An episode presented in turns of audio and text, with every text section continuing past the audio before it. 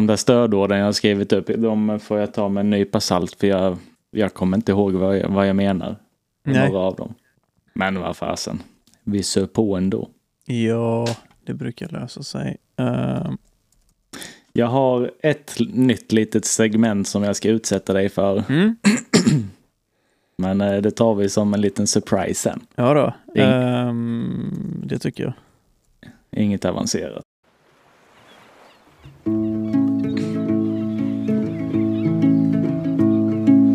Vintermörkret faller och gösen inte vill.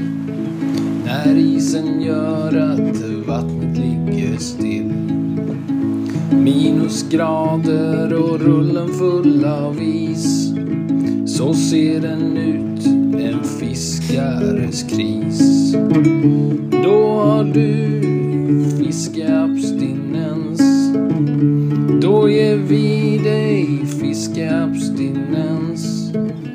Vilken tur vi har fiskeabstinens. Vilken tur vi har fiskeabstinens. Fiskeabstinens.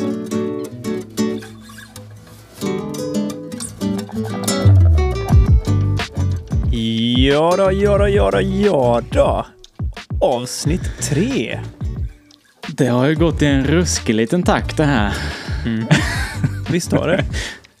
Du Ted, vi Ja. glömde bort att eh, presentera dig för våra lyssnare när vi körde vår presentation. Så eh, du ska få äran att eh, presentera dig själv just nu. Då ska jag göra det. Mitt namn är Ted Sylén. Jag är styvt 45 år gammal. Snart 46. Eh, eller snart, men jo. Känns som man har en fot i eh, det böljande blå hela tiden. Ja, Så är det. Men eh, ja, jag, jag tänkte på det. Jag lyssnade på första avsnittet och så tänkte jag bara, nej men hur kunde jag missa att presentera mig själv? Och jag tror inte att vi gjort, det här är ju tredje avsnittet, vi jag har inte lyssnat för andra avsnittet har inte kommit ut än när vi, när vi spelar in det här. Då. Så vi vet inte, Nej. det kan hända. Om jag sa vad jag hette i förra avsnittet så får ni ha ja, överseende med det. För att vi är lite glömska här. Men alltså man kan inte få reda på för många gånger vilka vi är heller tänker Nej. jag. För att alla vet ju faktiskt inte vilka vi är och alla lyssnar kanske inte på alla poddarna. Så är det faktiskt. Så ja, Så det kanske vi ska faktiskt ha som ett litet stående segment med eh, ja, Ted och Micke helt enkelt. Det Ja. som gör podden. berätta hur gamla vi är, vad vi har för skostorlek och så vidare. Och så vidare. typ så. Välkomna hit allihopa. Eh, jättekul att jag vill, först och främst jag vill säga ett stort tack till all support och alla som har lyssnat och, och sådär. Vi släppte ju den första podden för en vecka sedan nu. Mm. Eller snart en vecka sedan. Och eh, nej, vilken, vilken, vad magiskt. Eller Det har varit så jäkla kul. Hur kändes det då, Micke?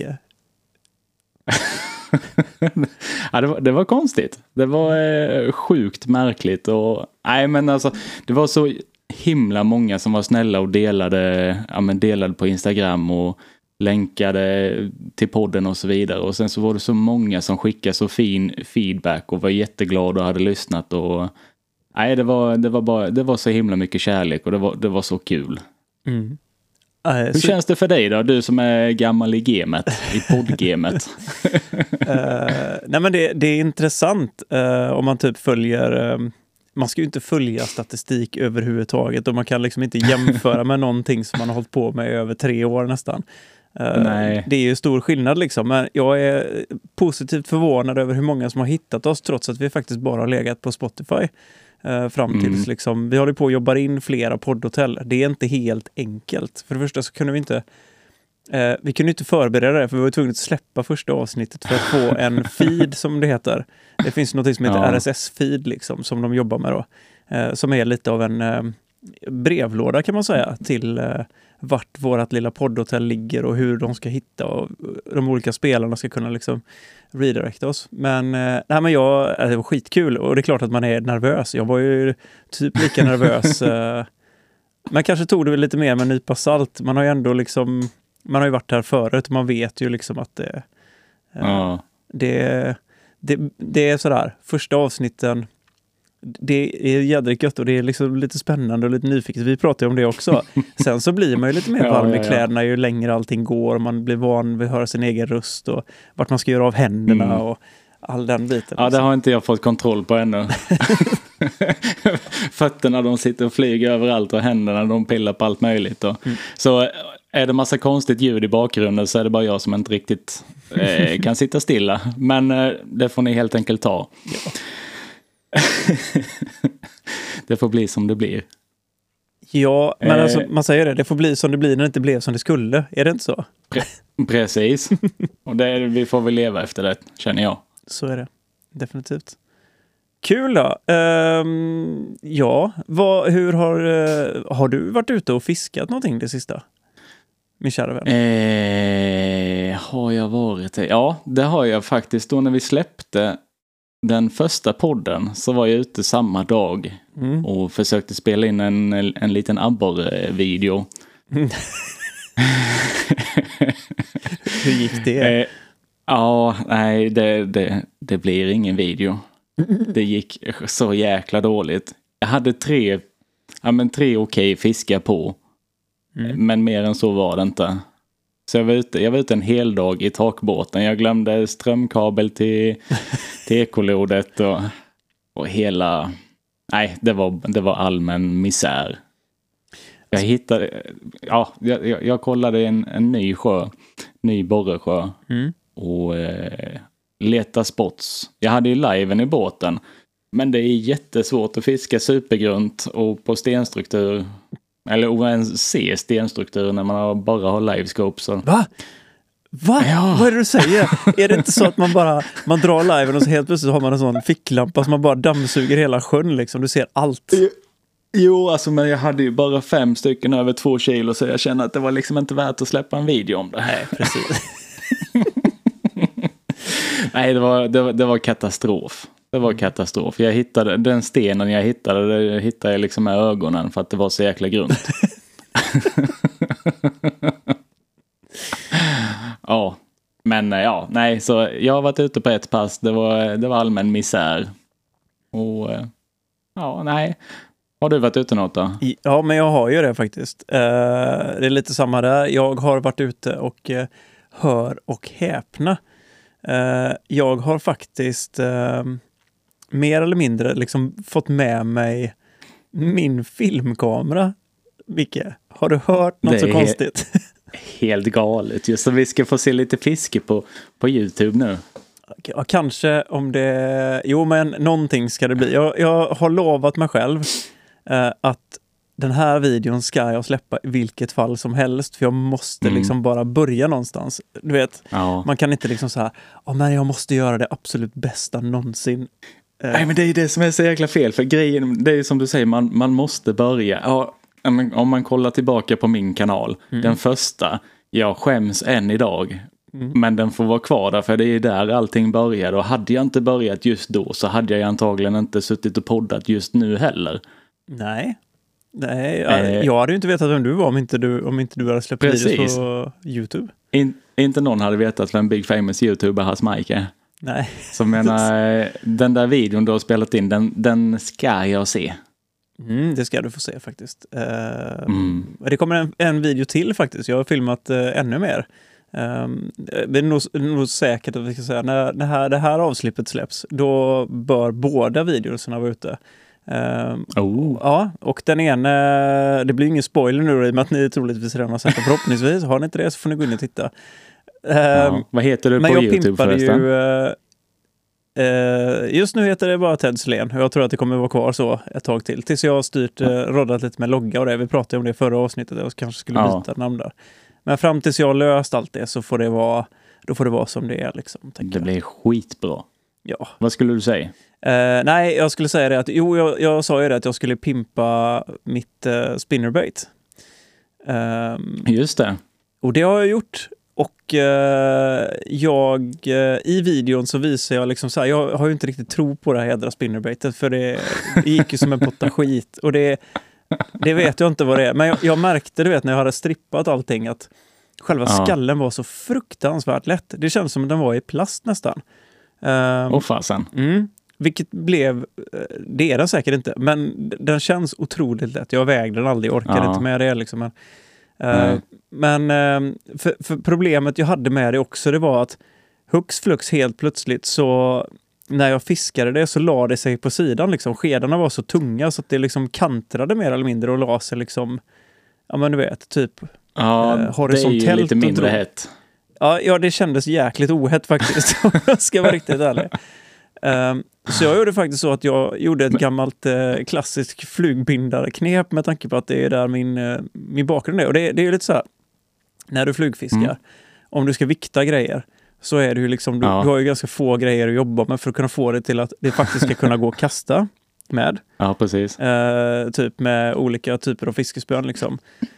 Så då, då gjorde jag faktiskt så att eh, en grej som jag har labbat med rätt hårt, framförallt när du gör liksom typ offset-riggade flugor, så vill Ja. du ha kölvikten liksom för att krokspetsen på en fluga blir ofta kölen. Eh, Mm. Det blir en tung, Precis. liksom lite tyngre grej som går neråt. Men då har vi gjort så att man har i krokböjen istället, har man dratt några varv med blytråd till exempel, eller lagt liksom, man har blyat, Ah. blyat skaftet lite. Så jag gjorde så på det här jädra spinnerbaitet att jag drog faktiskt typ fyra eller fem varv med blytråd bakom där kjolen kommer. Jaha, behövs det inte mer än fyra, fem varv? Nej, jag trodde inte det, men eh, det är helt sjukt. Det sjukaste är, när jag testade och drog den i vattnet nu, Ja. den kantrade inte en enda gång, utan den gick liksom, den kölade hur bra som helst. Jag bara så här, alltså i fasen. hela friden. Och det coolaste är också då att om du gjorde det, jag tänkte det här kommer flyga av direkt. Nej, för att Ja. man kör ju med trailer på spinnerbait givetvis, så då drog man ju över en jävla gummijigg liksom. Pang Ja, boom! just det, ja. Ja, satt den ju fast. Så det var inga konstigheter. Hur nice som helst. Hmm. Mm. Men det blev en liten video på det också. Det bör bli en lite... Jo, det blir det. Jag kommer släppa den också. Det, min ena Ja. kamera kaosade. Det är som här. Det här tänker jag är lite roligt. Vi kommer ju kunna dela med oss av saker som händer som inte riktigt blev som det skulle i den här podden. Ja. Liksom. Ja, Det blir liksom lite bakom kulisserna på Youtube-grejerna liksom. ja och det, det, det kan ju stundvis kan det ju bli en hel del misär bakom alla videos. Mm. Det, alltså, jag tror inte folk fattar hur... Jo, folk som filmar vet. De vet Ja, liksom. men, men de som inte filmar, de... eh, Nej, det, det ser lätt ut. Man åker ut och filmar lite och Mm. sen så... Sen bara sätter man ihop det och lägger upp det på YouTube. Ja men alltså det var ju som när Nej. du och jag åkte ut.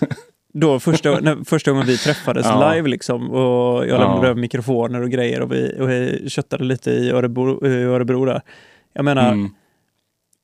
till saken hör att både du och jag hade med oss en ganska diger kameraväska liksom. Eh, Ja, en ja, ja. oss filmade och det kanske blir en video utav det. Så enkelt är Ja, det liksom. Det är med sanningen. lite tur. och det är som nu, jag har i vanliga fall så ja, men jag fiskar en hel dag och laddar batterierna Mm. med powerbanks och så vidare till myggor och så vidare. Och, och GoPro-batterier. Mm. Och nu, jag har fyra stycken powerbanks som är puts borta. Så jag, jag kan liksom inte ladda. jo, alltså vi hittar inte dem. Jag har till och med frågat barnen, kollat i deras rum om de har laddat någon telefon eller någonting. Men alla är helt borta så nu får jag liksom sådär ah, vara sparsam med vad jag filmar. Och det är ju skitryck. Jag beställde tre stycken nya powerbanks. Mm.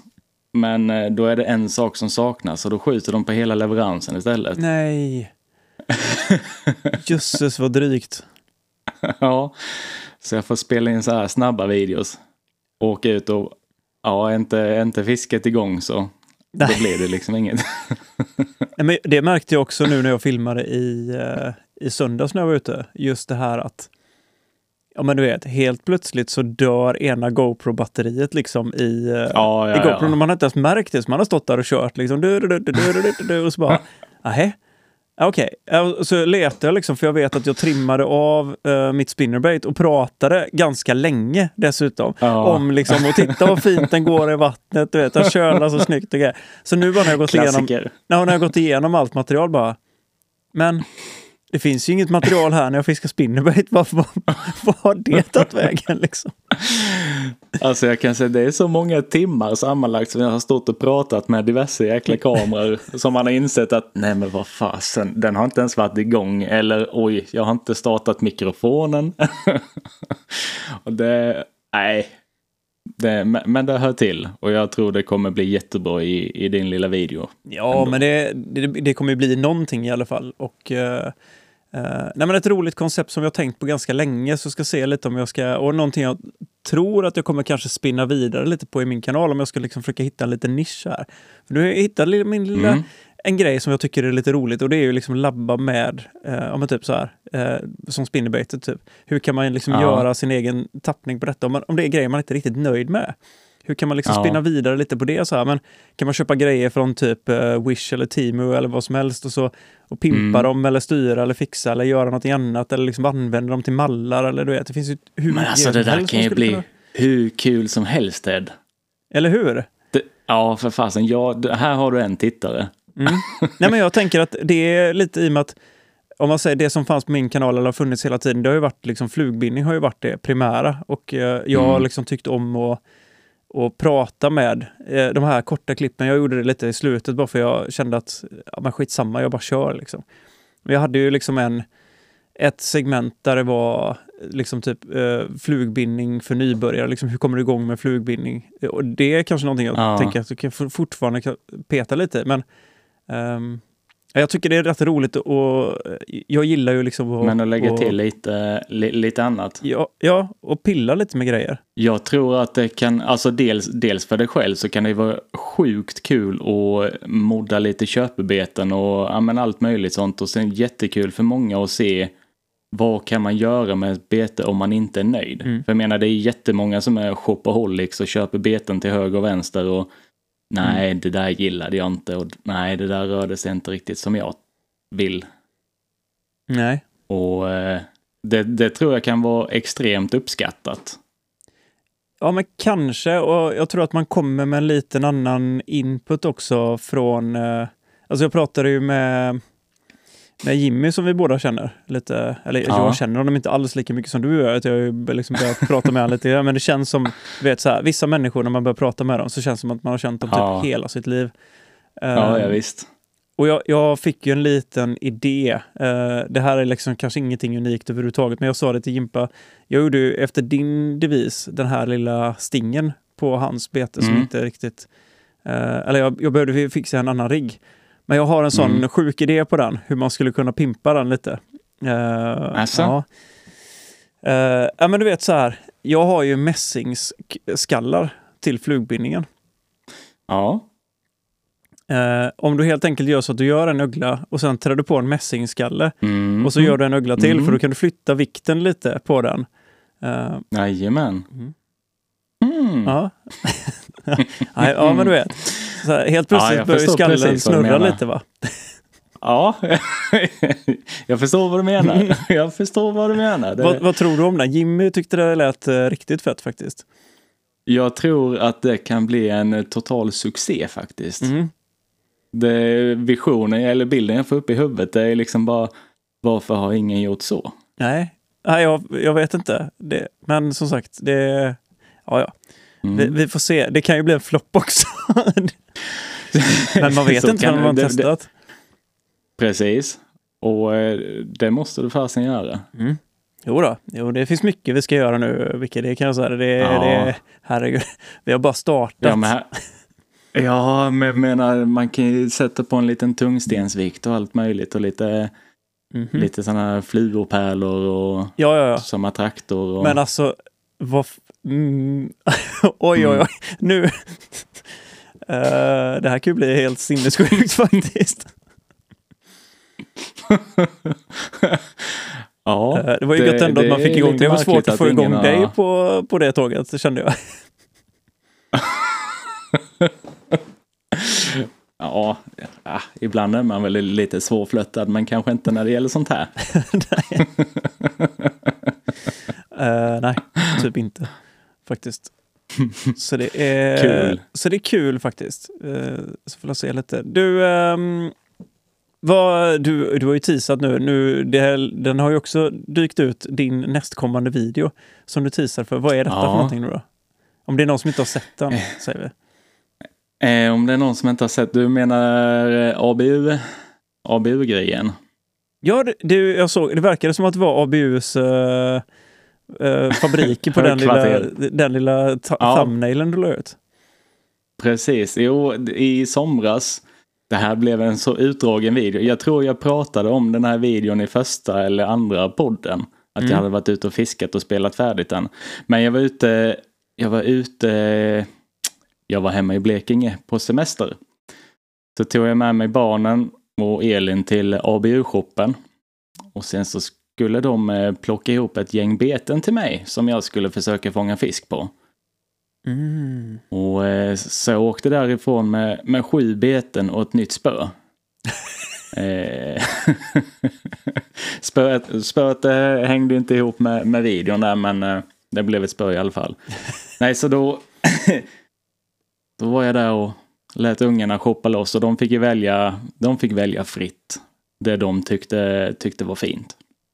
Och sen så skulle jag fånga fisk på det och hur det gick, det får ni kolla på på Youtube. Mm. Youtube sen. Mhm. Nej men det, det, var en, det var en riktigt rolig video. Jag har suttit och redigerat den nu i... Det har tagit två kvällar, två och en halv kväll att redigera. Eh, det är också en sån sak som inte ens märks att man lä- lägger liksom ner hela sin fritid på det. Mhm. men det blev en sjukt mysig video tycker jag. Mm. Den var, eh, det var sådär, ja men goa sommarminnen. Mm. Man sitter och tittar tillbaka på. Det var, det var nice. Men du, jag tänkte sätta dig lite på pottkanten här. Oh-oh. Med ett nytt, med ett nytt litet segment Mm. som du inte vet om. Kör. Eh, vi ska köra lite snabba korta. Mhm. Snabba frågor och korta svar. Mm. eh, ska vi köra någon slags jingel? Har du någonting redo på den där Min knappgrejen? lilla mackapär här. Eh, jo då, jag ska Ja. se om jag kan hitta någon lite rolig... Mm, mm, mm. Det är bara att jag tar något valfritt. Eh, ja, men jag gör den här då.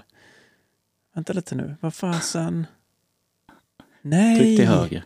Den har försvunnit. Vänta då, ska vi se. Nej. Ja, men jag hade en... ehm, vi kör den här då. Ehm,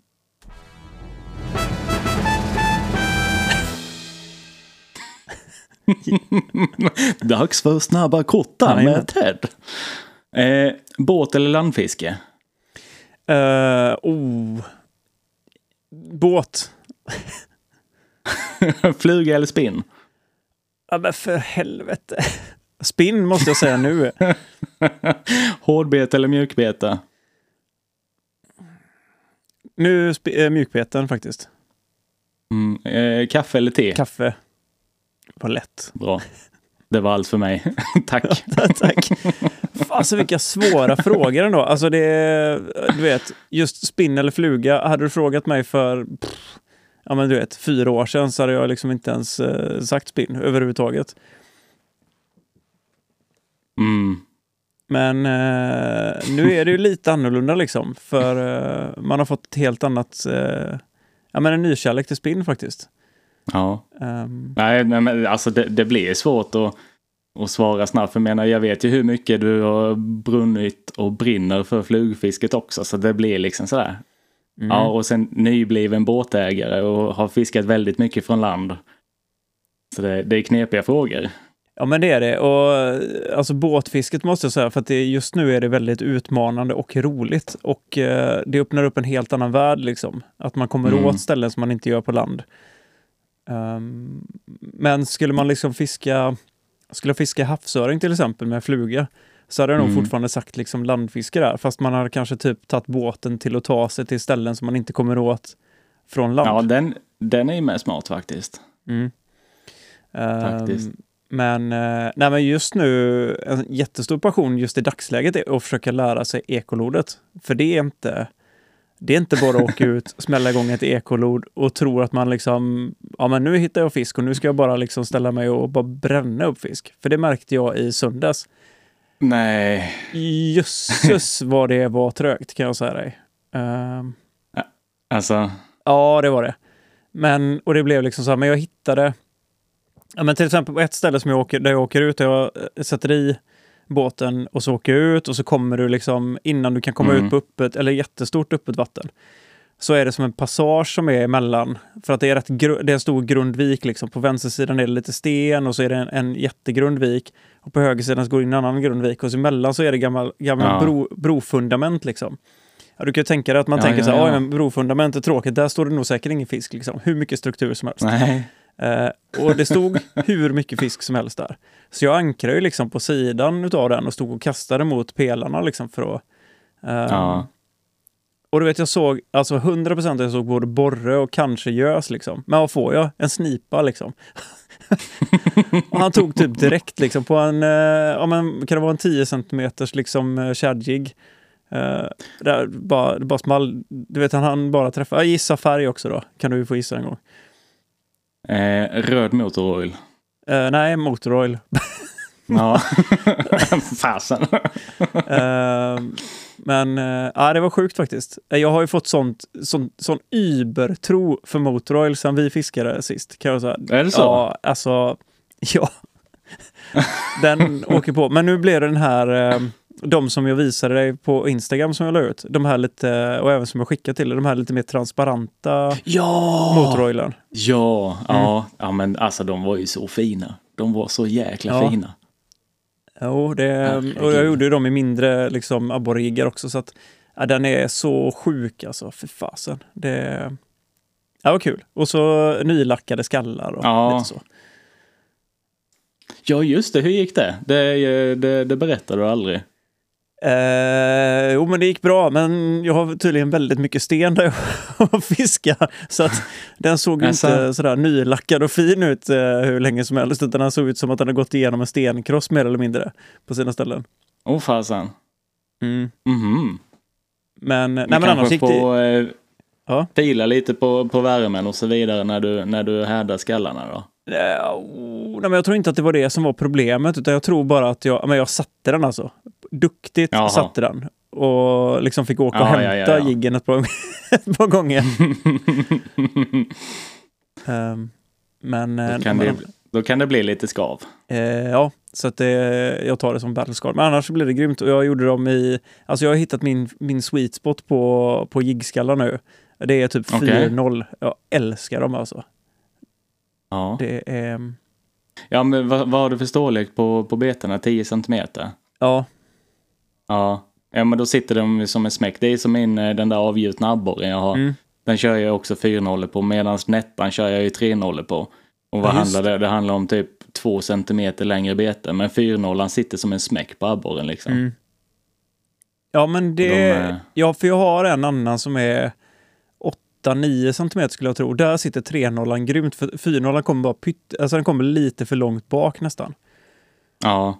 Ehm, men du måste typ köra 2-0 på lillnettan eller? Nej, där kör jag en helt annan krok. Och de, eh, så, men det är en 3-0 där också fast mycket mindre och mycket mjukare. Och menar en 3-0 kan ju vara antingen så här pytte pytteliten eller monsterstor beroende på tillverkare. Mm, Så alltså, jag förstår inte vad du menar. Helvete att köpa, köpa jiggskallar. Eh, ja, men då, då kan jag säga the struggle is real ibland när man kommer till flug, flugbindningskrok. Ja, åh ja, det minns jag. Du Jag vet, hade ju, gam, ja, ja, jag hade ju hur många krokar som helst. Mhm. För att ja, men jag ska ha en eh, storlek 2. Så bara, jaha, nej, här var storleken 2. Det var den största. Mm.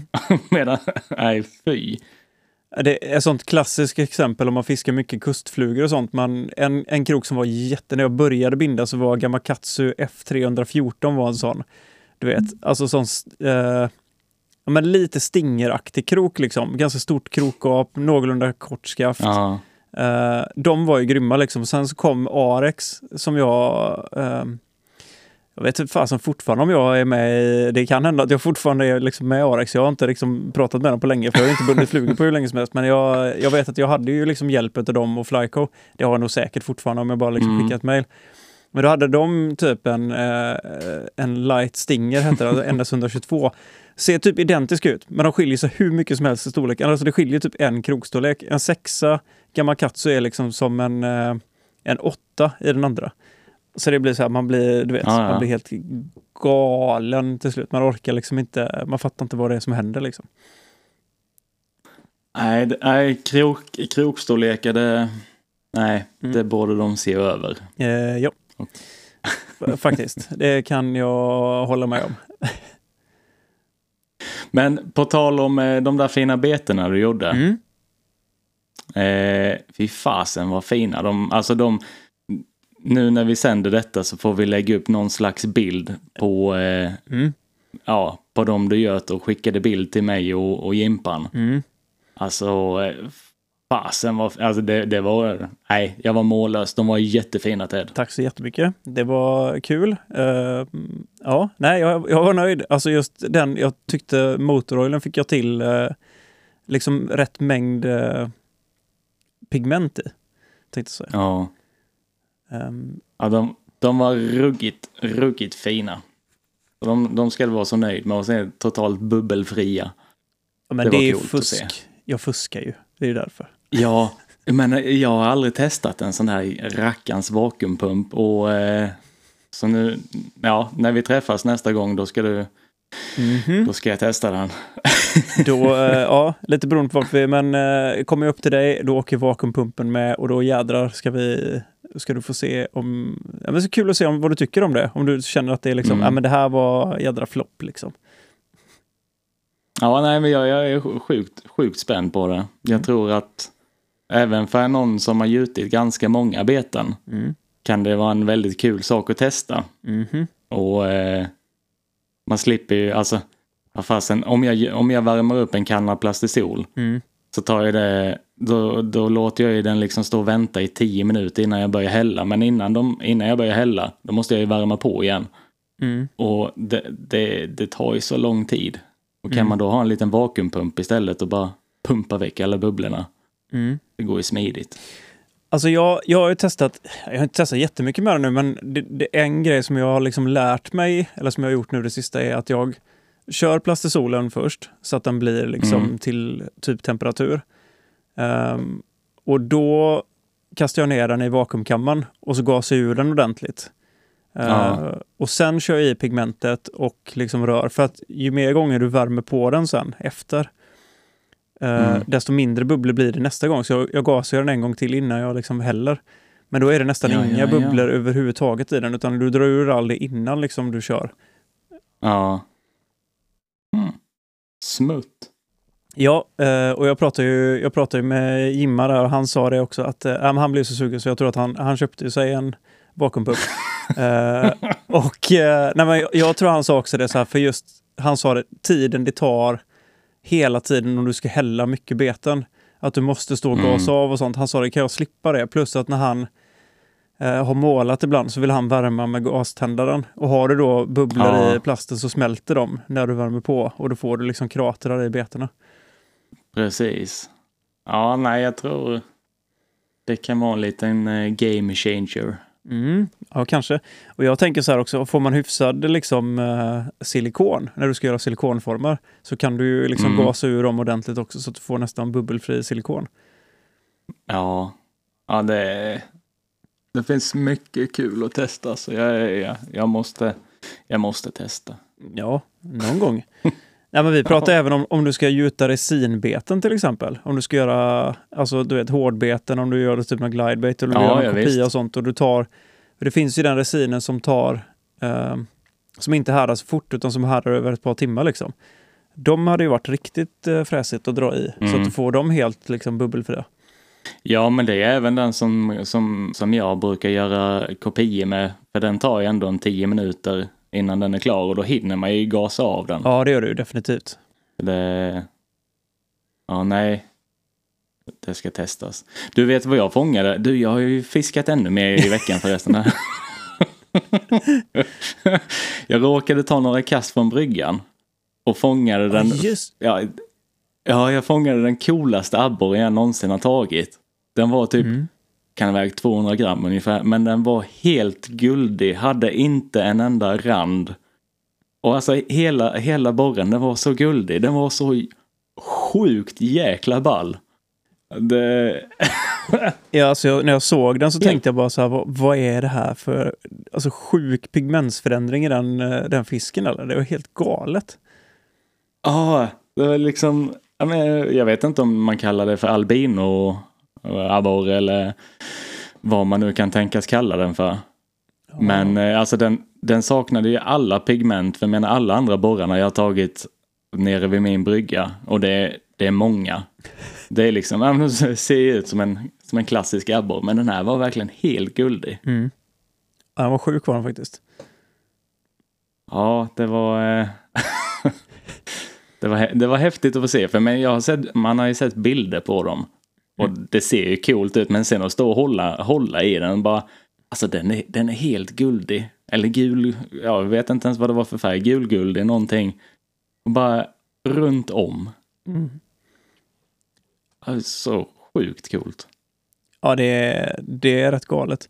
Apropå det förresten, eh, vet du Mm. om det att nere vid, eh, nere vid gamla Ringhals i eh, typ Bua där nere, så Mm. har det kommit in, för massa gånger sedan, så har det kommit in liksom bonitos. Så det är ett av de få ställen du kan liksom fånga bonito i, eh, på kusten liksom. Ah!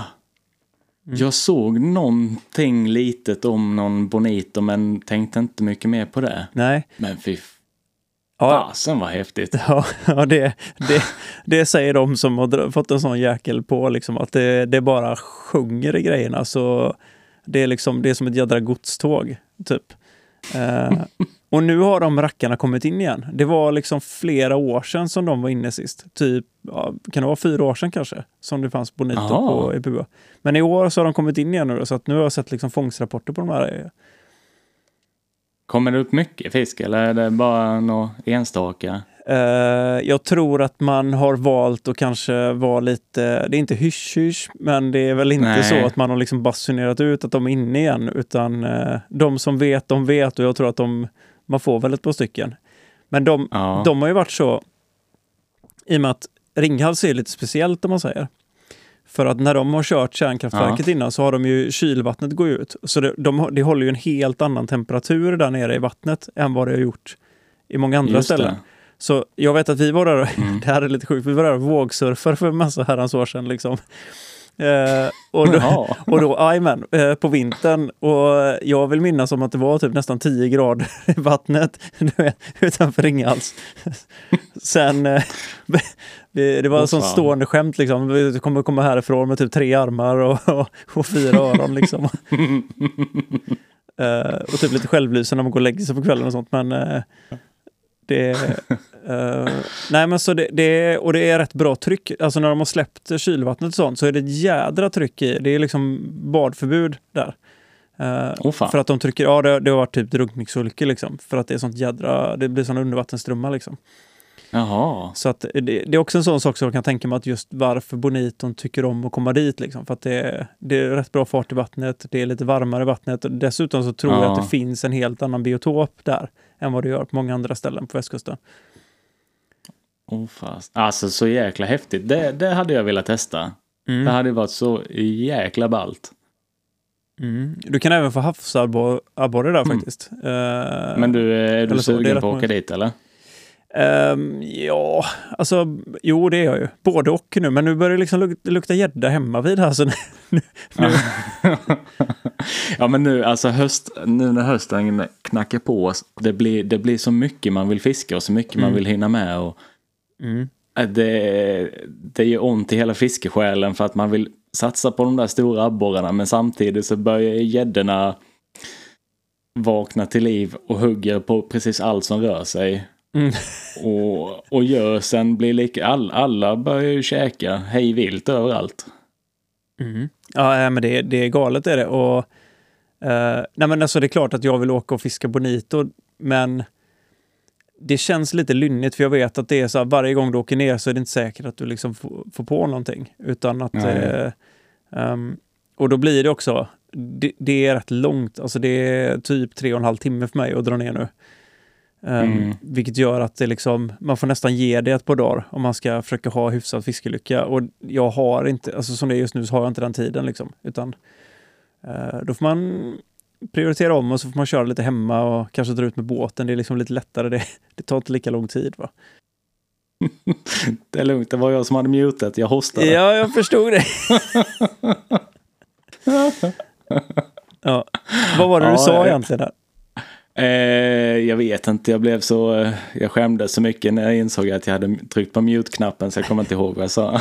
Jag pratade lite om att man inte har så mycket tid. Det kanske var någonting åt det hållet du var inne och, och syftade på egentligen. Men, ja, Ja. Nej, men så är det ju.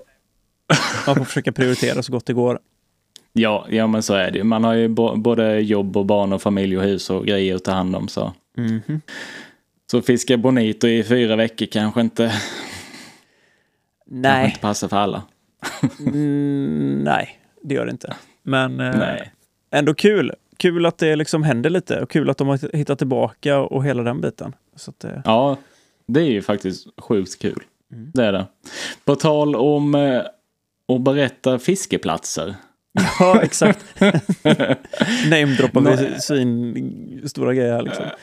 Ja, nej, men en sak som jag har sett ganska mycket av i sociala medier nu, alltså senaste månaderna, det är när folk hänger ut andras fiskeplatser. Mm. Och jag tycker det är så jäkla drygt när Mm. folk gör det. Alltså, visst att man kanske delar med sig till, till en kompis eller alltså som, som Ringhals, det är, det är ganska jättekänt att det är varmare vatten där. Mhm. Och likadant att det finns stora abborre i Kalmarsund och, och, och stora, stora gäddor i Vättern. Men när det kommer till småpölar, Mm. när folk börjar lägga ut att ja men han och hon och den var i den lilla pölen och hade sånt och, och fånga liksom stora fiskar. Jag tycker inte att det är asschysst att namedroppa andras småpölar. Säg till exempel att jag åker iväg, nu har ju inte detta hänt, men jag åker iväg till en liten sjö som jag har blivit tipsad om av en eh, följare. Så fångar jag hur många stora fiskar som helst. Det här har ju absolut inte hänt men. men och då, och då ser någon följare eller någon annan som bara, ja men han var i Jokkapekka-pölen norr om eh, Askesund. Mm. Men man gör inte så och folk måste sluta göra så. För jag menar, det kanske inte, det, det är inte så skadligt för mitt fiske. Men för de som brukar fiska i Jokkapekka-sjön, Mm. för, för dem när folk börjar, alltså när det kom, helt plötsligt är jättemycket båtar där. Mm. Så blir den där pölen utfiskad och då stas, stackars Mange som har fiskat där i 35 år och har haft 17-10 kilos gäddor varje pass. Mm. Och han får ju liksom en snipa i slutet. Där. Det blir inte kul för någon. Nej. Eh, nej, definitivt inte. Jag menar, det har alltid varit en, en grej. Ehm, kusten är ju ett sånt ställe ibland. Alltså när du Mm. fiskar havsöring på kusten. Ja, Det finns ställen där du kan ta med dig folk till. Alltså så här, det här Mm. gör ingenting. Ja men typ som, um, ska dra något ställe, ja men typ Torslanda liksom. Eh, Det finns liksom ehm, badplatsen där nere. Den är så här ökänd för att ja men här går det öring. Och det är liksom alla vet om det. Så det gör Mm. ingenting om man till exempel, om du vet så här, någon frågar mig liksom typ när man sitter och binder flugor liksom, eller sitter på någon mässa eller någonting i Ja. närområdet. Liksom, så. Ja men eh, kan du säga några schyssta spots liksom i närheten och där och där? Man, Mm. man häver ju inte ur sig liksom den här Überviken som man har liksom haft, du vet, drömfisket någon gång med och liksom, du vet så här, ja men shit pommes frites liksom, här är, du vet, och det, det tar liksom 55 minuter att gå dit, så man är oftast helt själv.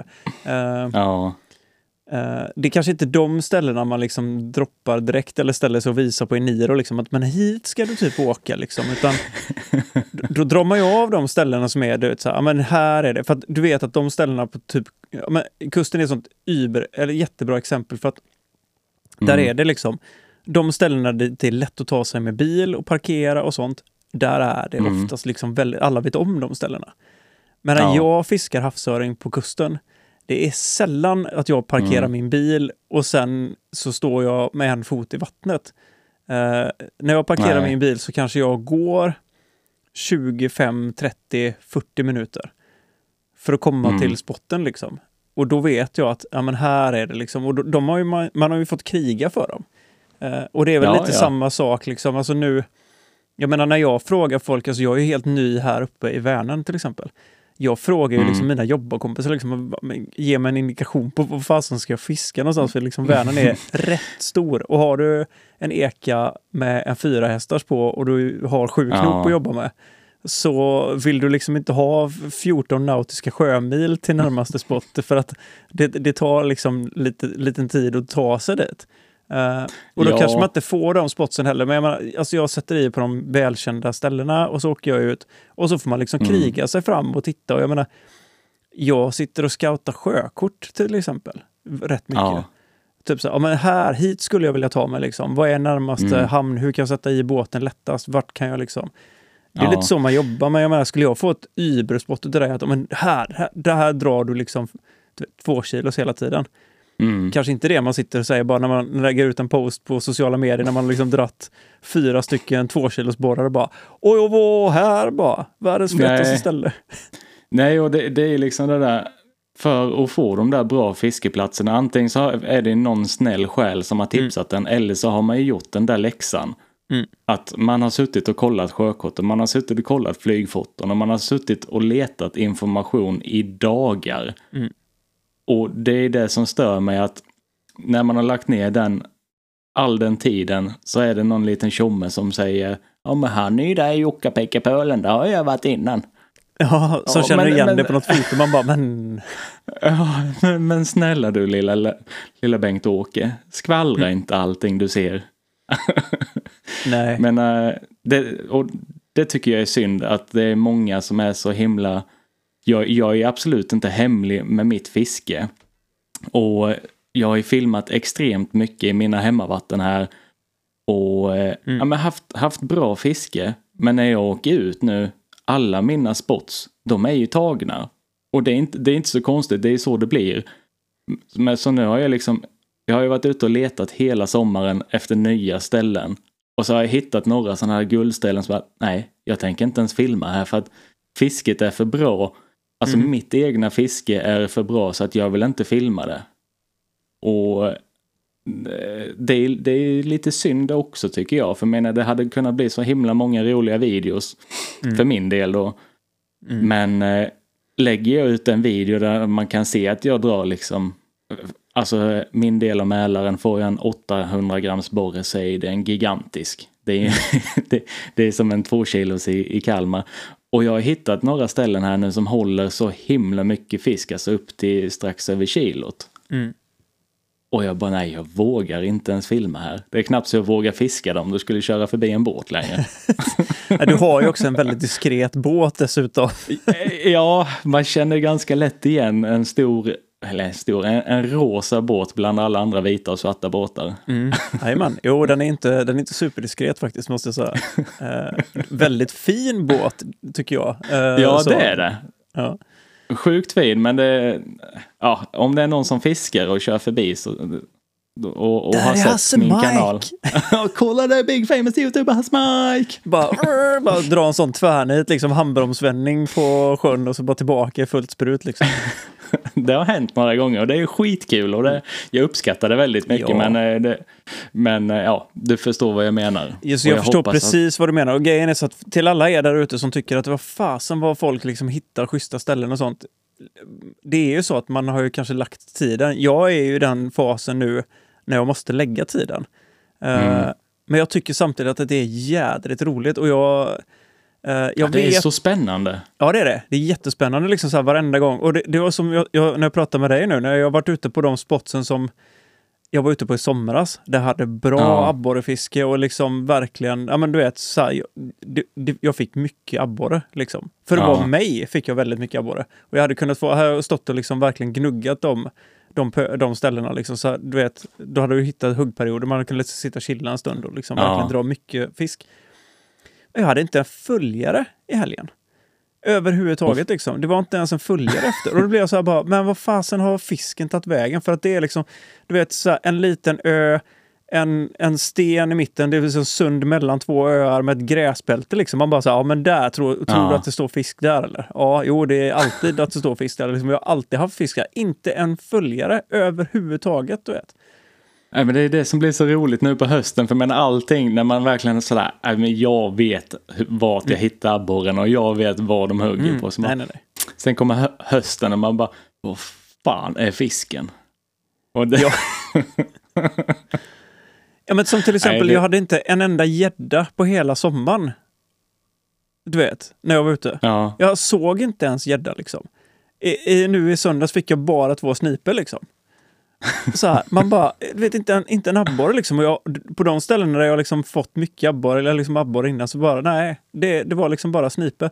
Så att det, det är rätt häftigt och man, man blir sådär, jag funderar faktiskt börja skriva typ fiskedagbok eller du vet så här logga och försöka för, för, ha Ja. något form av liksom nu när jag börjat, Alltså- för nu, det är nu jag ska börja göra det. Så att man liksom kan hitta statistik och veta vilka beten funkar, vindriktning, du vet hur stod allting, vad var det för temperatur i vattnet. Ja, alltså jag, jag ångrar att jag, jag skulle kunna börja nu också och jag ångrar att jag inte har gjort det innan för jag tror man har sån sjuk jäkla nytta av det. Jag menar, säg att du fiskar i Vänern, en jättestor sjö. Och vinden har ju en jättepåverkan på den pölen för jag menar det är inte mycket öar och grejer som, som, som styr vinden. Men, eh, och, och då liksom, att skriva ner allt matnyttigt. Jag, ja, Mm. nej, börja med det. Jag ska med börja med det. Mm. Och det, och det är ju det, jag menar jag har ju tagit mig an, alltså som du vet nybliven båtägare, ganska ny på Ja. ekolod och så tar man sig an liksom Vänern som första objekt. det, det är... Det känns nästan övermäktigt och jag, jag blir lite så här, jag hade önskat att jag haft ett, en mindre sjö att börja jobba i. Så man har liksom, du Ja. vet, bara kan hitta liksom mönster och sådana saker. För att nu är det så här, varenda gång jag åker ut nu så är det liksom, så du vet så här, vad, vad känner jag för att kasta idag liksom? Ja men, eh, Ja, ja, men jag brassar iväg ett chatterbait nu liksom. Det funkar inte överhuvudtaget. Så får man liksom gå Mm. igenom alltihop så här. Och, men eh, Mm. nu i helgen så funkar det jigg och jiggfiske. Det, det var riktigt kul. För det har jag haft så sjukt svårt för. Men nu, Ja. du vet så här. Mm, spola om rullen med 15 punds fluorkarbon igen. ah, Så att, eh, och så börjat jigga med, med, eh, med eh, vad heter det, multirulle mm, faktiskt. Och eh, ett, ett spö som är lite mjukare än det jag hade med mig ut när vi stod. Eh, Ja. Som är liksom så här, det. det, är, det är något mellanting mellan det. Det är inte riktigt lika, lika styvt utan det är eh, men bättre känsla i det. Fast det är fortfarande Mm. styvare än mitt uh, Westin finesse-spö som jag inte alls har kommit överens med. Om det är någon som Nej. lyssnar där som kan förklara för mig vad det varför jag inte tycker om det spöet så får ni gärna säga det. För det är någonting, det lirar inte mig. Jag, jag tror jag har gnällt så mycket på, på Micke nu. Alltså att det, jag bara, "Ah, jävla spöet alltså. Fan, alla älskar det liksom. Och jag, har- jag har hur svårt som helst för det. Ah, jag, jag är inte heller riktigt kompis. Men En kompis Erik han, eh, han fiskade, eller fiskade med ett sånt och jag, eh, jag fick inte ihop hur han kunde tycka om det för fem öre för det, det var inte min grej. Det var det fasen inte. Men på tal om eh, fiskedagböcker och grejer. Nu när jag har varit ute i lite nya sjöar och sånt och Mm. börjar le- leta strukturer och leta fisk och grejer. Så när jag sätter mina waypoints Mm. Så sätter man ju liksom waypoints på allting som är intressant. Mm. Och jag kan ju liksom välja och antingen kan jag ju döpa mina waypoints till någonting eller så kan jag sätta i olika färger och så vidare. Mm. Men jag har ju tänkt att nej, men det där kommer ju jag ihåg. Nej. Så ett jättetips det var antingen döpa dina waypoints till det det faktiskt är. Att det är struktur eller att du fångade fisk där eller Mm. att det är en jäkla stubbe eller eh, en stock eller vad som helst. För jag menar, nej fan man kommer inte ihåg. För jag menar efter ett par gånger i en liten sjö så har man ju satt, ja men kanske säg 20 waypoints och bara vad fasen är det jag tittar på? Mm. Eh, det, det är tips. det, fick jag erfara nu i helgen redan. När jag har bara satt upp waypoints också. Jag har liksom bara 10 waypoints i min, eh, i min, eh, i min plotter. Va? Men eh, du vet så här. Om jag ska åka tillbaka till det stället. Och liksom, och för, till saken hör att jag tog en annan väg ut än vad jag brukar göra. Liksom. Eh, I och med att jag har ett, eh, jag har ett eh, striker från Garmin. Så jag har liksom Mm. inget, det är inget plotter i det utan det är bara eh, sånt share map system i det. Så att Ja, jag ja, får ju liksom ladda ner eh, ja, men Garmins, eh, jag kommer inte ihåg vad det heter, kom, någon sån kompisapp liksom, eller typ så här, där folk kan lägga ut liksom, där de har, de har plottrat fram själva då va. ja, ja. ja. Eh, för det går inte ens att sätta i ett, sjö, ett, eh, ett kort i det. Okej, Som du får, ja. en, ett sjökort i det. Liksom. Så att, men det spelar inte så stor roll, för jag, där jag fiskar just nu så behöver jag knappt ha det. Utan man kan hitta, det finns väldigt mycket sådana här. Mm. Eh, eh, Active Captain heter den deras app tror jag. Ja, just det. Mm. Ja, precis. Det, det gör den. Eh, men, eh, och då körde jag ut på ett helt annat ställe än vad jag brukar göra. Så när jag skulle försöka ta mig tillbaka sen, du vet, jag, jag var ju helt mindfuckad liksom. Jag sa, men den här vägen brukar jag inte köra. Så här, var ligger mitt fiskeställe? Så började jag kolla bland alla mina waypoints. Så här, ja, men det borde varit en av de första Ja. jag satte ut. Du vet. Man bara, men det stämde ju inte för fem öre liksom. Alltså man, man blir så sjukt jäkla förvirrad. Mm. Jag, jag hade ett sånt ställe i, i söndags. Det var en sån jättefin stenstruktur. Och eftersom jag inte hade någon, jag hade ju ingen gi, riktig givare, jag hade live-givaren. Men det var liksom två och en halv meter djupt och det går liksom inte urskilja ett smack. Och jag hade ingen som helst koll på vad jag var och det var liksom fem waypoints. Bara, vart fan ska jag? Det, Så, så både, både du och jag får ju vara lite bättre på att döpa om våra waypoints till om man har fångat fisk eller en, hur stor fisken var. Är det struktur, stenstruktur, stenskrävel?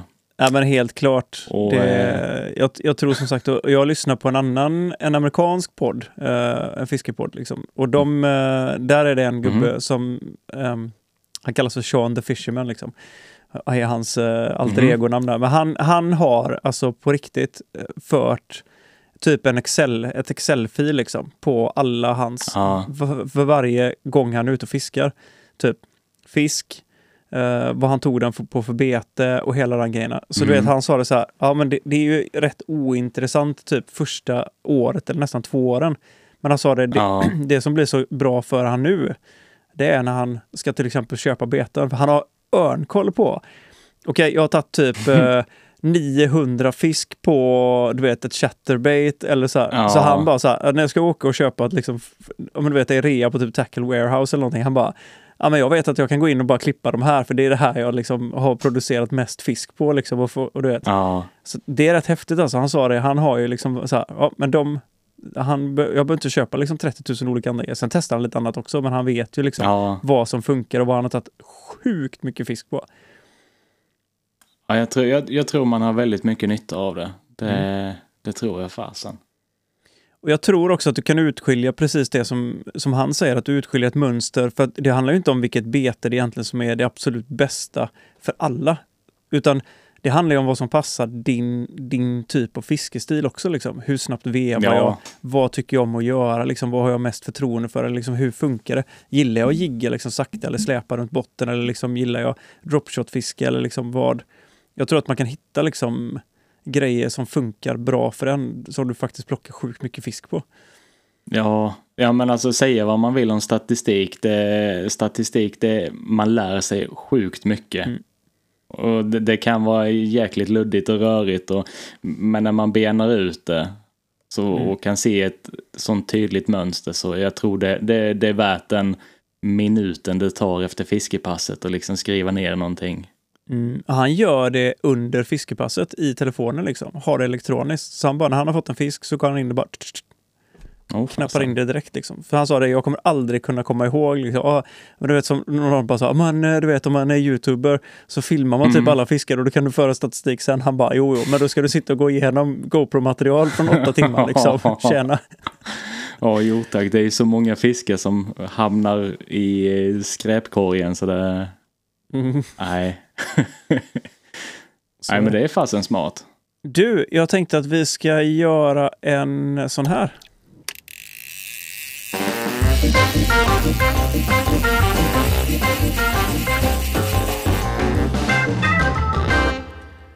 Vad var det som funkade bäst när du fiskade nu? Vilket bete var det du hade mest succé med? Det var... Det är så jäkla tråkigt att säga det här för vi har redan pratat om det. Men det var ett 6 cm bete med näddskalle. Ja, ja, ja. Lillnettan. Nej, det var det fasen inte. Det var det inte. Jag ljög. Det var, eh, det var Nettan. Nämen, Eh, ska vi se, vad fasen var det för, vad var det för färg jag körde på den? Jag tror nog att det var en, eh, det var så här. Det var en motoroil-lake mm. med en orange jiggskalle. Mm. Vad är det med orange jiggskalle egentligen?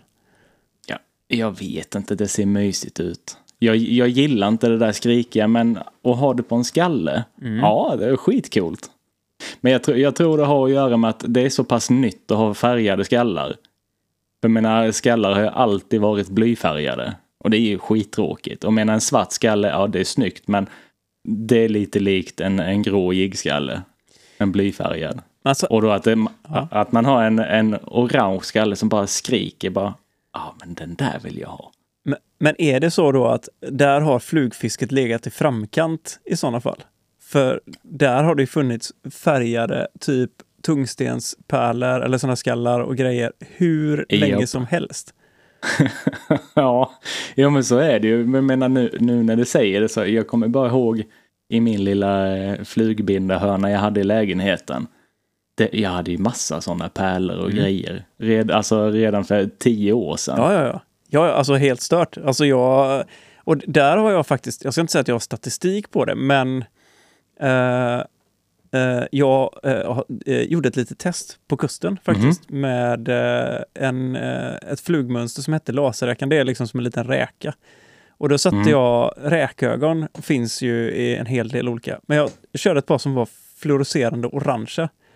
Ja, Och grejen är att de sitter lite längre bak på krokskaftet, eller liksom så precis där krokböjen kommer. just det ja. Vilket gör att det Ja. blir typ som en liten huggpunkt. Och jag kan säga att jag upplevde att jag fick typ mer fisk på det. Eh, och jag vet inte om det har att göra med att just att de är fluorescerande. Och det, den, ska vi slå hål på den myten nu direkt? Just det här med UV och fluorescerande. det skulle vi kunna göra. ja. För vad är skillnaden egentligen på fluorescerande och UV-färg? För det, det känns som att folk blandar ihop det där lite lätt. Det är samma skit. Mm. Det, alltså, när UV-färgen, eller det är inte samma skit heller. En, en UV-färg det är en genomskinlig färg som reflekterar UV-ljus. Och blir lite blå nästan. Om man tänker Ja. under en, under en UV-lampa till exempel så får du en liten blåskimrande ton i Ja. en UV-färg. Men det många säger eh, beten med UV-färg, ja men det är bara helt vanliga fluorescerande beten.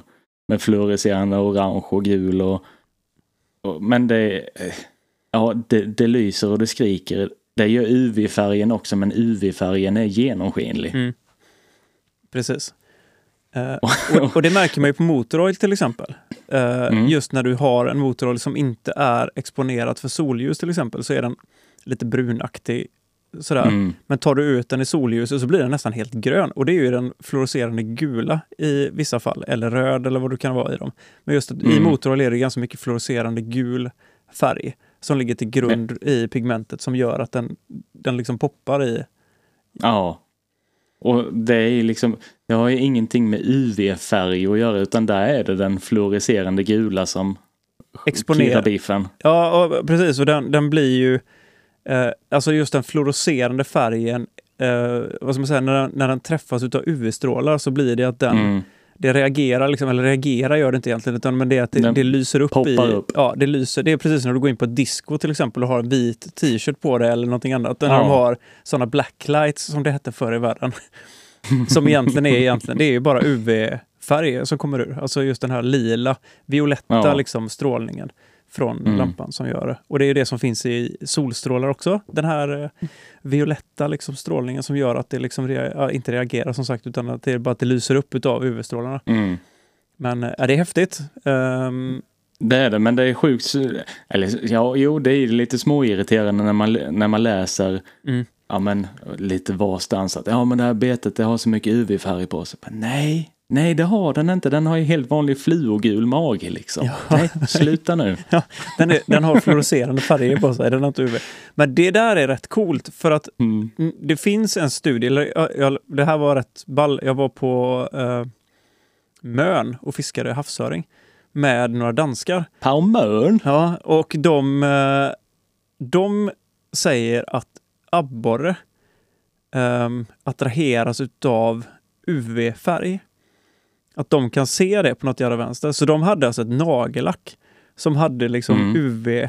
Så det var helt genomskinligt. Så du drog på det, om du penslade det på magen Ja. på en fluga eller någonting och sen löste med, med en UV-lampa, då blev det, det lys, lyste upp utav blått. Alltså det, det var rätt Just häftigt. det, och ja. de hade alltså, så sa det, ja ah, men du vet, det är så, det funkar för att du får mycket mer fisk om du har liksom penslat på den här skiten. Sen om de ville sälja mycket nagellack med UV, då, det framgår inte av historien. Men Nej, Nej men det, är- alltså det är en ganska intressant sak. Jag kommer ihåg Livlinan-aktionen jag körde Mm. 2020.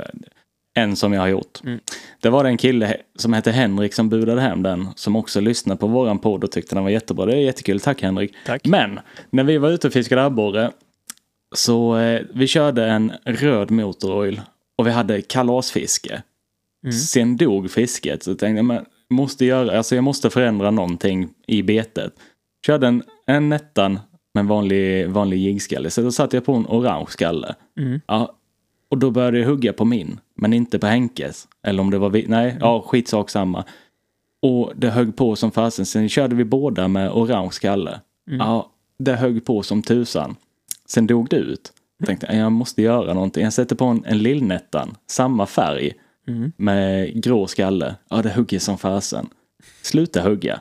Sätter på en lillnättan med en orange skalle. Och det börjar hugga som tusan. Och så s- kasta på samma stim. Mm. Vi, vi såg dem på sidevision. Och, eh, och så höll vi på liksom. När det var hett, då högg de som tusan. Sen bara tvärdog de. Minsta lilla förändring man gjorde. Om man satte på en, en skalle med en liten spinnarsked eller en, alltså en, Mm. en målad skalle. Och det började hugga som tusan. Och det är en sak, efter, efter det passet, för i och med att det var så markant, så har jag alltid börjat, när, när det liksom slutar hugga, så bara, ändra något litet. Mm. Det, Och, och då, då, hela den här fluorskalle och UV-färger och sånt, det kan göra sån jäkla skillnad vissa dagar. Och andra dagar så spelar det ingen roll överhuvudtaget och det är liksom verkligen... eh, Ja, Men, men det är sjukt är det. Och det, det sjukaste är också när man... Ja men typ, så att du står två stycken i båten, du fiskar med exakt samma skalle, exakt samma liksom allting. Eh, Mm. Jigg och hela paketet och du typ kör samma hemtagning liksom. mm, Men så kanske du kör med, du vet, ja men du kör 012 Fireline, jag kör 009 liksom. Ja, ja, helt plötsligt börjar jag hugga på din. Ja men vad fan, och det gör inte, du vet så här. Då kan det vara Ja. liksom bara den här lilla förändringen där också, eller att man kör med någonting annat. Det där är sjukt och vi, vi har ju testat jättemånga gånger, du vet när man står på kusten också, typ skuldra Mm. mot skuldra och står och kastar på samma, liksom, och du vet den ena får hur mycket fisk som helst. och du vet man kör med samma grejer, samma tafspett, samma lina, samma allting liksom. Typ Ja. samma hemtagning. Men det spelar ingen roll för du vet, den ena får hur mycket fisk som helst, den andra får ingenting. Och då blir man så här, vad är det som skiljer nu liksom? Ja, det är så jäkla sjukt. Samma sak hade jag faktiskt eh, med en kompis när vi var också ute och fiskade abborre. Mm. Vi, vi körde samma, eller jag hade, jag hade race, så, så här som jag minns det. Jag hade race och Jocke fick inte ett skit. Han hade något pet här och där. Och han fiskade med samma beta som jag, samma tyngd. Han kopierade hur jag vevade, ingenting. Så sa han, "Vad i helvete, kan du, kan du knyta på en fluorkarbontafs på mig? Jag har ju faktiskt en ståltafs. Mm. Ja, men det kan jag göra. Och så knöt jag på en, fluortafs på honom. Och det började hugga som fasen. För jag har inte trott på den där lilla myten att eh, ståltafs kan göra sån skillnad vissa dagar såklart. Då, men, men alltså det varit sån jäkla skillnad. Mm. Och jag, jag tror inte att det specifikt är för att alla säger, ja men du vet så här, fluorkarbon, det, det syns, det blir osynligt i vattnet och det ena med det. Det, för mig är liksom så här, jag, jag har Ja, alltså på riktigt några gånger, du vet, när de har stått också och ja men du vet det blåser jävel. Och man bara, Mm. ja men du vet, du kan inte, du får inte fiska om du har typ en knut på tafsen. Och man bara, nej, nej, det är lugnt. Men du vet, de har skickat ut grejerna och det, du vet, det kommer ut som en telefonsladd och det ligger som ett jädra garnnystan bara. Och det bränner på någon sån jädra sån gris liksom. Du vet när det ligger, man bara, så, Ja. men vad är det nu som händer liksom så här bara. Det, det, det där tror jag inte, men däremot så tror jag just att, som du säger med fluorkarbonet, det skär helt annorlunda i vattnet mm, skulle jag tro. Och det ger ett annat ljud. Jag tror att det gör extremt stor skillnad. Lite beroende på. För Ja. att typ en ståltafs kan ge ifrån sig ett helt annat ljud eller sjunker på ett annat sätt. Eller liksom. Ja, jag, jag tror mer att det är den biten Mm. än att det är för att fluorkarbonet inte syns och så vidare. Nej. Och så vidare. Men, men det, jag, jag tror, alltså ljud och hur saker sjunker. Mm. Jag tror, alltså sjunker precis mycket, alltså på riktigt. Jag tror att det gör Ja. hur mycket som helst. Vad du får för båge på jiggen när den sjunker till exempel, eller, eller liksom Mm. ett crankbait eller någonting. För det, det märkte jag ju när jag började fiska crankbait med fluorkarbon, Mm. kontra annat. Alltså du får ett helt annat djup på betet. Det går ner liksom på ett helt annat sätt. Och det, nej, jag vet inte, jag, och jag känner, det tycker jag faktiskt när man fiskar med fluorkarbon, jag känner peten på ett helt annat sätt mot hur, när jag har fiskat mot flätlina till exempel. Jag måste fasen spola på lite fluorkarbon på, Mm. på en rulle och testa för det, det låter så kul. Ja, men, och jag kan inte säga att det är så, men jag, jag, jag upplever det som, och det var samma sak i flugfisket, har det varit markant kan jag säga, från att ha fluorkarbontafs hela vägen Ja. ut. Från att ha typ, eh, ja men, eh, mono till fluorkarbon till exempel. Mm. Det, för fluorkarbonet har sträckt mycket mer och du har mycket mer känsla i. Alltså du känner nästan minsta pet liksom. På ett helt annat sätt. Åh fasen. Mm. Ja, det, det, det, det är väldigt spännande, alltså alla de där små sakerna. Sen, sen fastnar man ju själv för olika, ja, olika setuper och sådär. Mm. Och eh, man kan ju ta ett spö från Biltema och åka ut och bara fiska och sen så kan man ju bara grotta ner sig i detaljnivå liksom. Jag Mm. tycker om det här till det här fisket och så vidare. Och det är lite där den här podden handlar om, i olika sätt att se på saker. Mm. Definitivt. Och förhoppningsvis kan det liksom någon ta med sig någonting därifrån och vi kanske har helt fel, för det är ju det som är grejen. Det här funkar ju Ja, liksom ja. för oss. Och jag menar, det som, jag kan säga, det som jag säger, ta inte det med någon sanning överhuvudtaget. För jag är ganska novis när det kommer till just liksom multirulle och även liksom sådana här grejer. Jag, min, min största bakgrund i detta ligger i flugfisket, liksom, när det kommer till linor, Mm. tafsar och, och hela den biten. Eh, men sen är det så att jag kan, jag kan lätt liksom, som person nörda ner mig ganska hårt i grejer. Och jag tycker om Ja. att liksom, researcha och testa. Det tycker jag är superkul. Liksom, att se så här, men funkar det här för mig? Funkar det inte för mig? Till exempel så jag hade, jag hade påspolad um, någon jädra billig flätlina från, uh, ja men Dollarstore hade någon grej ihop med, Ja. eh, vad fan är de heter? Storm. Eh, ja, de har ju haft Storm och så har de ju haft uh, Suffix. Har de ju kört. Ja, Liksom. det. så jag köpte några flätlinor från Suffix och testade. Mm. Men på min multirulle, det går inte att kasta Mm. med den. den, liksom, den ja, men jag får inte ut linan överhuvudtaget. Och jag tror att det gör att linan är så jädra platt. Så den Ja, liksom fastnar med- i sig själv. jag har gjort samma sak. Jag satte på en, en suffixlina. Mm. Eh, som jag säger då. Men eh, det går inte att kasta med eländet alltså. Och när man väl kastar, ja men då flyger betorna iväg och linan stannar kvar. Ja, ja du, har också, du har också haft det problemet. jag har haft det några gånger nu också. När man ser jiggen bara... Jaha, vad fan ligger den där borta för? Jo, Elin, jag kommer ihåg Elin hon köpte ett nytt spö och rulle och sen så, ja men vi tar den här linan, den, den är säkert bra. Det var den enda som fanns i butiken där vi handlade då. Och aj, alltså det var, jag har aldrig varit med om maken om så dålig lina och jag har blivit av med så mycket beten. Mm. Herrejäklar. Men jag tycker den funkar någorlunda bra på mina haspelrullar faktiskt. Där märker jag inte alls lika stor skillnad. Men just på multirullarna tycker jag det har varit katastrof. Oh, oh ja. Och där Ja, tror jag att det är, alltså just, där vill du kanske ha en mer flertrådig lina, nästan så Mm. rund som möjligt när det kommer till multirulle, för det känns som att det är så mycket som spelar roll. Eh, Ja, oh ja. Eh, och det är samma sak, men på Haspel, jag såg, det var någon som la ut på sociala medier nu, och jag lyssnade faktiskt på ehm, eh, Daniel från Westin, hans podd. Mm. När han hade Pelleset från, eh, jag tror han är från Shimano nu va? Är det inte så? Jajamensan. Eh, då pratade de rullar, spolar och liksom liner och hela den grejen. Mm. Och han pratade just haspel och hur viktigt det är att spola upp typ en full rulle på haspel. Så att du kommer hela vägen ut till där fasen börjar. Ja, precis. Eh, just för att han sa det att du märker ganska markant skillnad när du kastar. För att annars så ska den spola av och så går den upp mot en kant som sen ska över. Mm. Kontra att den, Ja. att den lägger sig och spolar ur liksom helt, bara utan något motstånd. Han sa det var jättestor skillnad. Men på multirulle så kan du liksom gärna, kastar du typ fluorkarbon så ska du inte spola Mm. full rulle för du, då får du ganska mycket overruns helt plötsligt. Pre- precis, ja men så är det ju faktiskt och det blir en jäkla skillnad. Mm. Det blir en jäkla skillnad. Jag, jag såg en bild senast idag på en kille som la upp i någon sociala medier-grupp eh, som hade spolat på lina på, en, på ett haspelspö och frågade är det här tillräckligt eller ska jag ha på mer? Och det var liksom, har du ett varv till då kommer linan trilla av automatiskt. Bara, nej, ta väck ett gäng meter. Mm. Det, det, det är med, ska, är man ny inom fisket med och då har man inte koll och jag menar, det, så enkelt är det ju. Ja, ja. Och bör, börjar man då sin karriär med att bara ha massa trassel? Nej. Det, nu vet jag inte alls vad jag vill komma med det här men Nej, men överlag så är det tråkigt när det strular när man ska börja fiska. Du vill ju ha det så smärtfritt som, möj- som möjligt och då är det precis som du säger, kanske spola av ett gäng, slippa trasslet, även om du kanske inte kastar lika långt. Så slipper Mm. du liksom problemen av att det överspolar istället. Så helt plötsligt får du ett garnnystan som man bränner iväg. Det är ju också kul när man ska stå där och drilla fisk. Jag vet att det var någon som gjorde det eh, i, i en rosa båt när han drog sin första gös. jag känner Eh, igen det jajamän. där. alltså. Mm, ja, du gör det va? Det, nej, det var helt sjukt.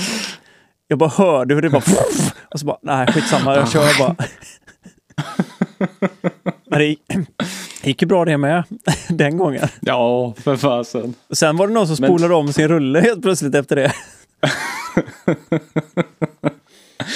Ja, det var mycket elände det där lilla fiskepasset. Du. Åh jösses vad det regnade, det är det sjukaste. Det har, jag har aldrig varit med om att det har regnat så mycket någon gång när jag varit ute och fiskat. Det, det, är, nog, Nej. det är nog fortfarande i min värld, alltså rekord, något så fruktansvärt. Ja, alltså så, så mycket vatten som det kom i båten under så kort tid. Det var helt, helt galet. Åh herregud. Och jag tyckte så synd om Gavin som satt där utan regnkläder i liksom ett par Revolution Race-brallor och bara, jag tänkte bara, nej, fy vad tråkigt. Ja, men de kämpade på länge. För att vara helt pissblöta. Du, ska vi göra så här att vi hoppar in i...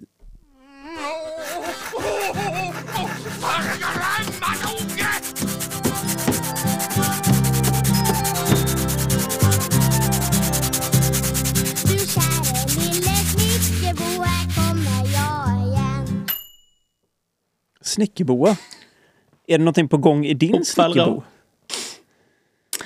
Eh, jag satt ju och pratade upp mig som fasen förra veckan att jag skulle göra nytt bete och blaha blaha blaha. Men Mm.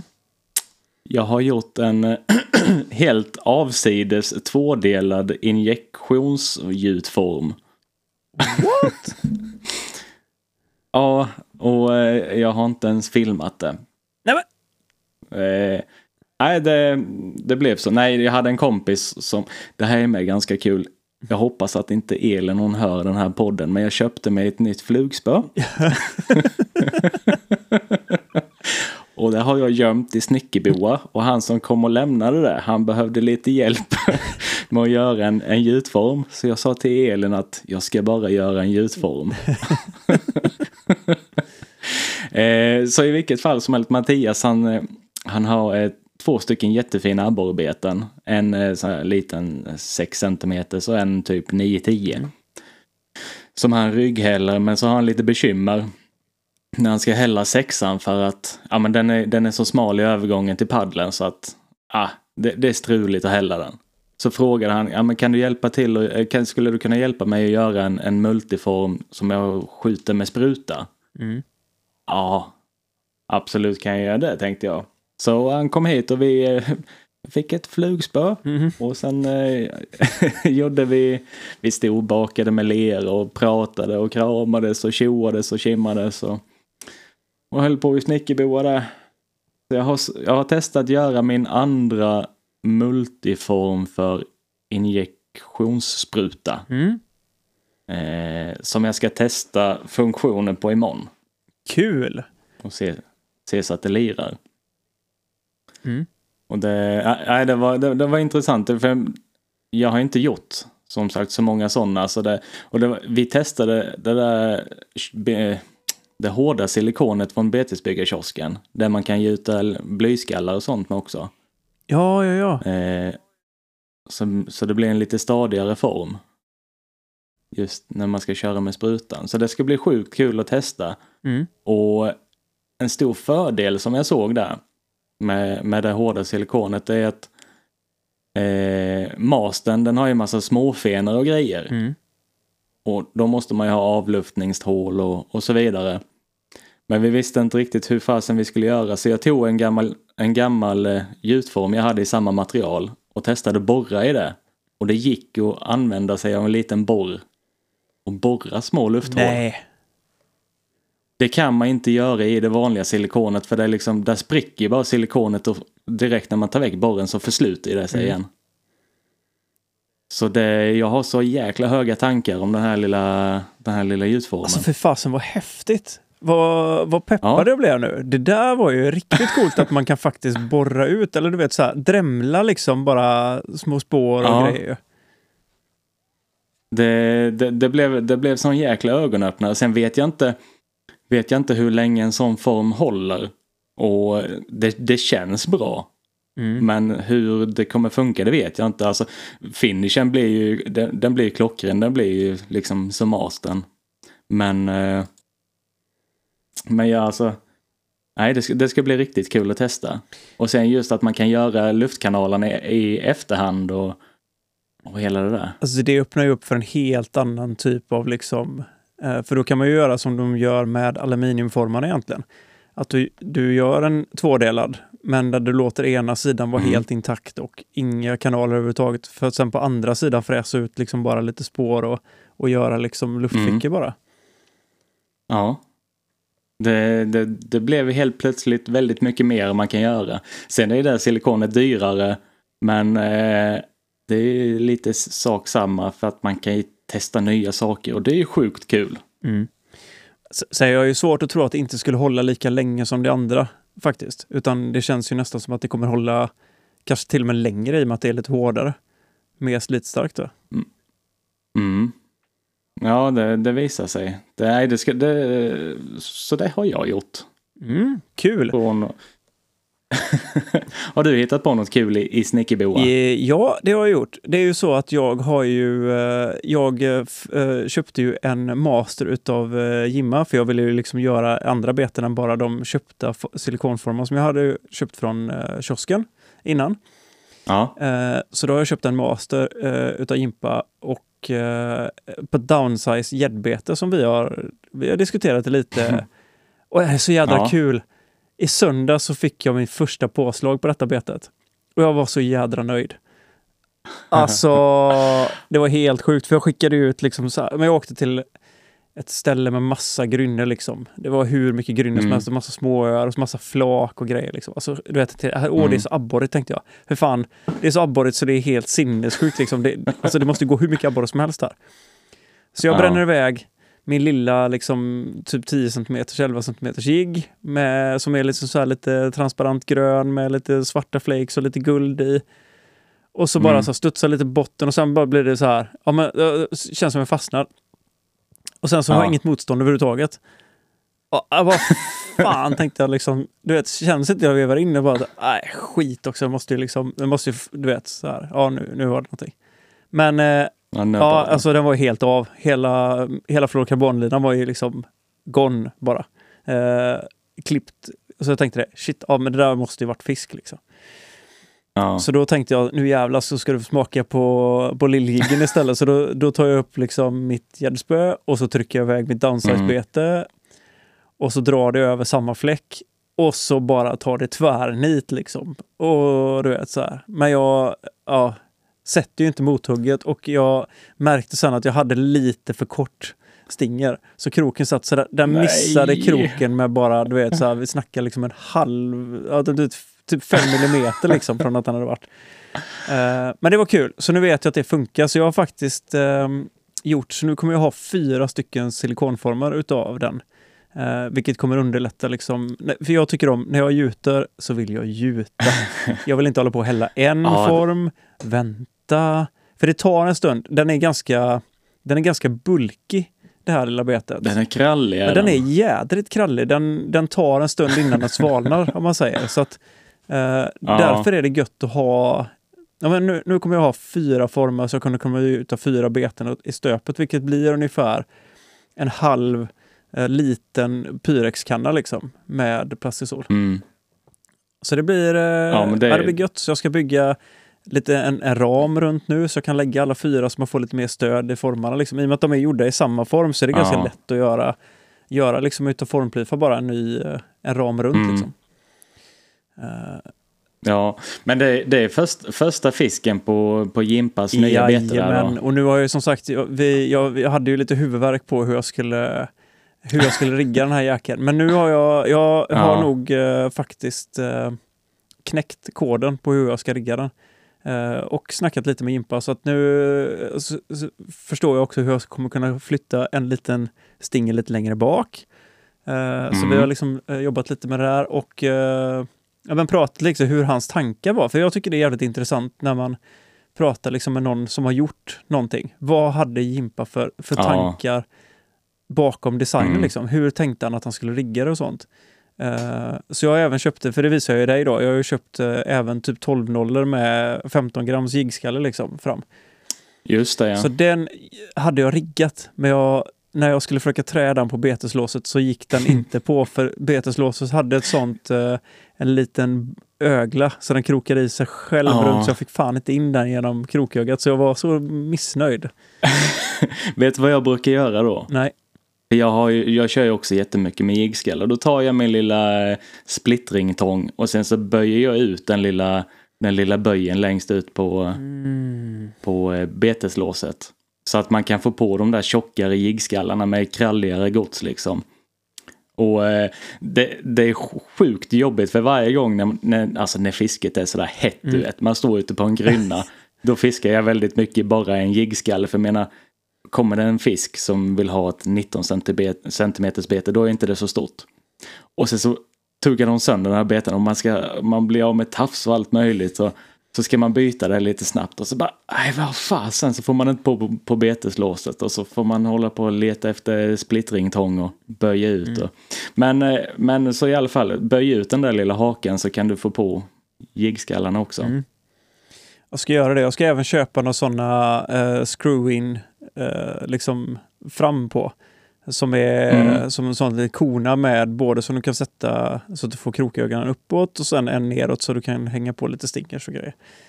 Uh, ska jag skaffa Ja, faktiskt. de är smidiga Ja, som tusan. jag tänker det med, för då blir det liksom just för att han sa också det att han hade tänkt att den skulle riggas med viktat liksom. Att den var inte tank, tanken Mm. är inte att den ska shallow-riggas överhuvudtaget, utan den, den, den mår bäst. Och det, det var ju lite det vi kom fram till också när du och jag stod och tittade på den.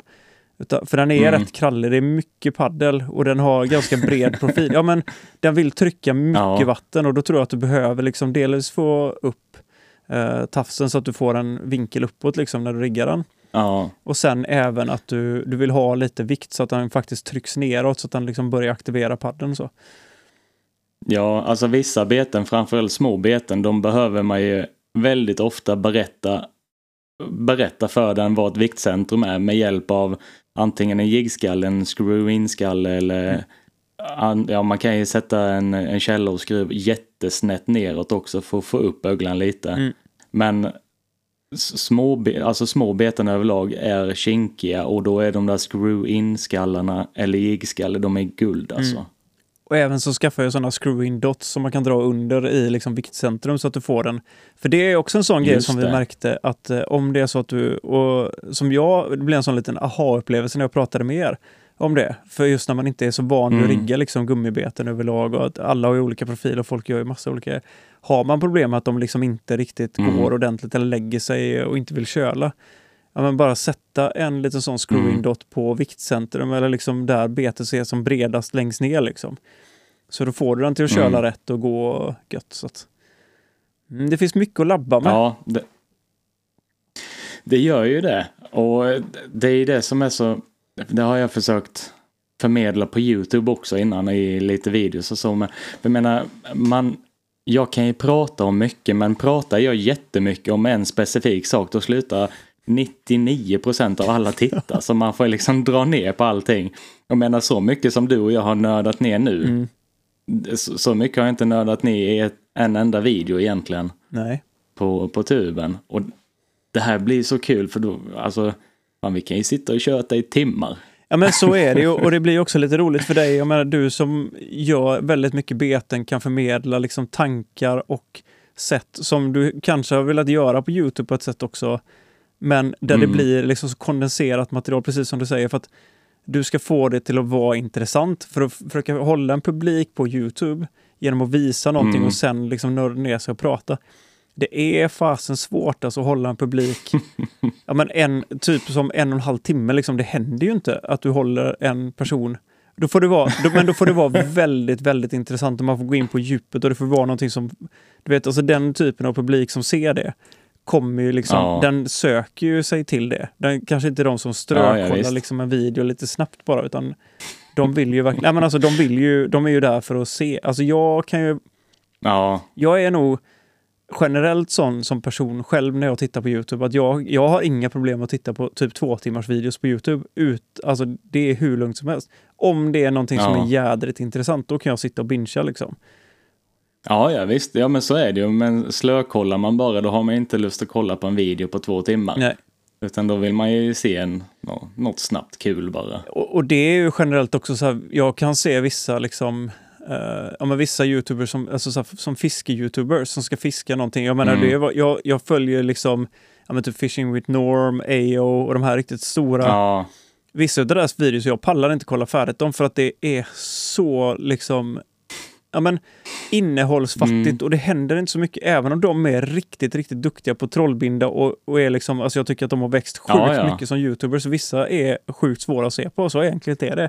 Och det är liksom så här, ma- man skulle vilja se Ja. mer och det kan ju vara Alltså jag ska, utan att hänga ut någon, liksom, med vissa svenska större produktioner också, så man blir så här, "Nej, jag, jag pallar inte liksom. Jag kan sitta, du vet, så här, men du vet, ehm, vad heter de? ehm, kommer fasen inte ihåg vad de heter, men det är, Mm. ja men typ Fly vs Jerk har jag försökt kolla någon gång, jag tyckte det var intressant. Men ja, du vet, så ibland Mm. bara, det blir, det blir så monotont, bara samma, samma hela tiden och det händer liksom inte så mycket. Eh, sen vet jag vissa tycker det är Nej. skitkul liksom, men jag, jag pallar inte typ. Alltså nej, det, och det går ju också i vågor. Men det, så är det ju för alla. Men alltså sitta och titta alltså i en och en halv timme på någonting som är, ja men det är mediokert liksom. Och det händer inte så mycket. Och, Medan vissa produktioner där är det liksom bara wow, wow, Mm. wow. Och det händer saker hela Mm. tiden. Och då, är, då sitter man ju med, med hakan nere och Mm. bara wow. Och nu, var det, nu var det inte meningen att hänga ut Fly vs Jerk, utan det var det första som dök upp i huvudet på mig bara. Så att det, var, det, liksom, det, var det, som, det var det som blev liksom. Eh, Det finns ju så många andra Ja. produktioner också så att det, ja, men de här eh, butiks... eh, liksom när de utmanar varandra och sådana grejer. Det finns så mycket Mm. bra produktioner och det finns så mycket, men du vet så här, och det kan vara i en serie samma liksom. Men typ som Perch Ja, Fight ja. som Söder har gjort liksom och de som kan vara riktigt bra och även de här abborrefemman och grejer. Vissa av de avsnitten Ja. är superbra, man sitter liksom helt bara naglad. Medan vissa andra är det liksom Ja. så man bara, du vet så här, jag, jag pallar inte liksom, även fast jag vill se det. Och då liksom, då, ja men, då tar man det i sektioner istället. Ja, men och så, så är det ju. Jag menar, man, har du sett han den där Big Famous YouTuber Ja. Mike? Han har ju vissa videos som man nästan somnar över. Och vissa är kalasroliga tycker till och med jag. Ja, Men så är det. han den Big Det är famous YouTuber Hasse Mike. Jag har, har börjat kolla om en hel del av hans videos nu faktiskt. Alltså, ja, jag Ja. får börja ta och stänga av dem så, det, så du inte kan kika två gånger. Kör sån en gång bort så blir det liksom. Nej men det, det, Ja. det är kul framförallt när man ehm, har börjat jobba in sig på betesbygge så tycker jag att det är kul för att det är mycket Mm. videos som jag går tillbaka och tittar liksom och ja men du vet så här. Ja just det, så gjorde han där liksom och Mm. Eh, det, det blir ju det är kul för det blir som ett portfolio liksom som man kan gå tillbaka och, och lära sig lite. Just när det kommer till blanda färger. Ju mer man utvecklas i sitt eget så kan det vara kul att se. Ja. Liksom. Jo men alltså det, det, jag tycker det är superkul. Och menar jag tittar ju, alltså jag är YouTube-torsk så det liknar ju ingenting. jag, I och med att jag jobbar hemma i Snickerboa så har jag möjligheten att kunna kika lite YouTube när jag står och jobbar för jag har ändå ingen att prata med. Och Vilma, hunden, hon skiter i vad jag gör. Så då står jag och tittar lite YouTube när jag meckar med, med prylarna. Och menar, jag, jag tycker det är så kul Mm. att kolla på vad folk hittar på och vad folk bygger. Och, Mm. och jag önskar att det var fler som startade egna kanaler Mm. och visar liksom hur de gör, hur de tänker. För man får så otroligt mycket inspiration av andra. Mm. Och, och det är väl någonting som jag tänker så här också. Att, lite, du vet, var inte rädd för att testa. Alltså du måste Mm. börja någonstans för att kunna liksom komma vidare. Och titta inte på de här, ja, men typ Peter Lindgren liksom och de som är... Ja men jag menar man blir så här, wow Ja. vilken studio, vilket ljus och liksom vilka grejer. Bara, ja jo men Ja, ja, han visst. har ju, du vet, hur många följare som helst. Han genererar liksom hur Mm. mycket pengar som helst. Han har ju spons för det första utav en hel del företag och sitter liksom, jag menar, vad sitter han på typ Ja. fem stycken liksom Sony-kameror för typ ah, 40 lax styck per hus liksom, plus objektiv och grejer. Eh, Ja. Men jag menar, eh, han har också börjat någonstans. Ja, ja visst. Ja, om inte jag minns fel så lånade han en kompis Ja. kamera för att testa. Jag träffade honom Och- i jobbet för typ jättelänge sedan. Han fort, det var då han jobbade, han, då jobbade han på DHL. Och så var Ja. han ute och gjorde ett fotojobb för liksom det företag som hyrde in mig då när jag jobbade. Så då träffade Ja, ja, jag ja. honom, liksom, var han du vet, stod där och höll på att köra drönare och liksom, du vet, det är inte den Peter som är idag bakom Youtube, utan han var ju liksom, men hade ett jädra öga för det och med. Ganska enkla grejer, enkel kamera, liksom enkla saker, gjorde väldigt mycket, men Mm. han var liksom, du vet, så han jobbade med det han hade, han blev inte så här, jag, inte- men jag måste inte köpa en kamera för 40 000 för att jag ska kunna göra det här liksom, utan han, han tog sig an fotojobb, lärde sig redigera, lärde sig liksom sitta och göra sin tid. Precis det som vi pratat om hela detta avsnitt nästan. Ja, men, ta Ja. tiden till att liksom lära sig någonting och göra det. För att det spelar ingen Mm. roll om du har ett Garmin Striker 7 SV, liksom, eller som det som jag har, som är ett ganska liksom, billigt ekolod. Det, det, är, det är Mm. fortfarande, jag menar en billig båt, ett billigt ekolod. Jag kommer ut och kan fiska, jag kan fortfarande göra samma saker. Ja, ja. Och, och jag liksom behöver lära mig. Det spelar ingen jag, alltså jag kan köpa ett Solix med du vet, livescope. Jag tror inte att jag har fiskat bättre i söndags för det, liksom. På riktigt. Nej, nej, alltså man måste, man måste lägga ner tiden Mm. för att lära sig. För att bli, ska man bli bra på någonting, de, alltså det är timmar. Mm. Det är timmar och det är timmar. Och man Mm. kommer liksom inte ifrån det, utan det är bara till att, det är bara till att gilla läget. Och på tal om att liksom sådär starta och börja med, sina kanaler. Jag tror att det var de 30 första videosarna jag gjorde, Mm. de filmade jag bara med min mobil. Mm. Och menar, det funkade. Sen så tänkte jag, men jag vill, jag vill att det ska bli lite bättre. Efter några Mm. stycken där, så då köpte jag en, en, eh, ett stativ och en mikrofon som jag kunde koppla in i, i telefonen så att ljudet ändå blev det blev hyggligt. Det, var inte skitbra, men det blev bättre. Mm. Och alltså och bara komma igång, för jag menar nu så här två och ett halvt år senare, så, alltså jag älskar det, att starta kanalen. Det var det, det var det bästa jag har gjort hittills. Mm. Liksom. Nej, och jag menar, det lilla jag har gjort på Youtube och sånt och, och så. Jag kan säga, skulle jag ge några några tips, Mm. precis som du säger, skit i att köpa den flashigaste kameran till en början med. Det behöver du inte göra, för har du en mobiltelefon så har du troligtvis en väldigt, Mm. väldigt bra och kapabel videokamera. Liksom. Eh, har du ett par airpods eller någonting annat till exempel, så kan du använda dem för att spela in ljudet med också dessutom. Eh, och då har du ändå ett okej ljud, skulle Ja, jag säga. ja. Du har inte, du har inte magiskt ljud, men du har ett helt okej ljud. Eh, och skulle man säga någonting man ska lägga Ja. krut på, så är det att, du vet, lära sig att ljussätta på något vänster. Och det behöver inte vara dyra lampor Mm. överhuvudtaget, utan det handlar bara om att ha liksom lampor. Och det finns en miljon videos på Youtube om hur du ljussätter på ett billigt sätt.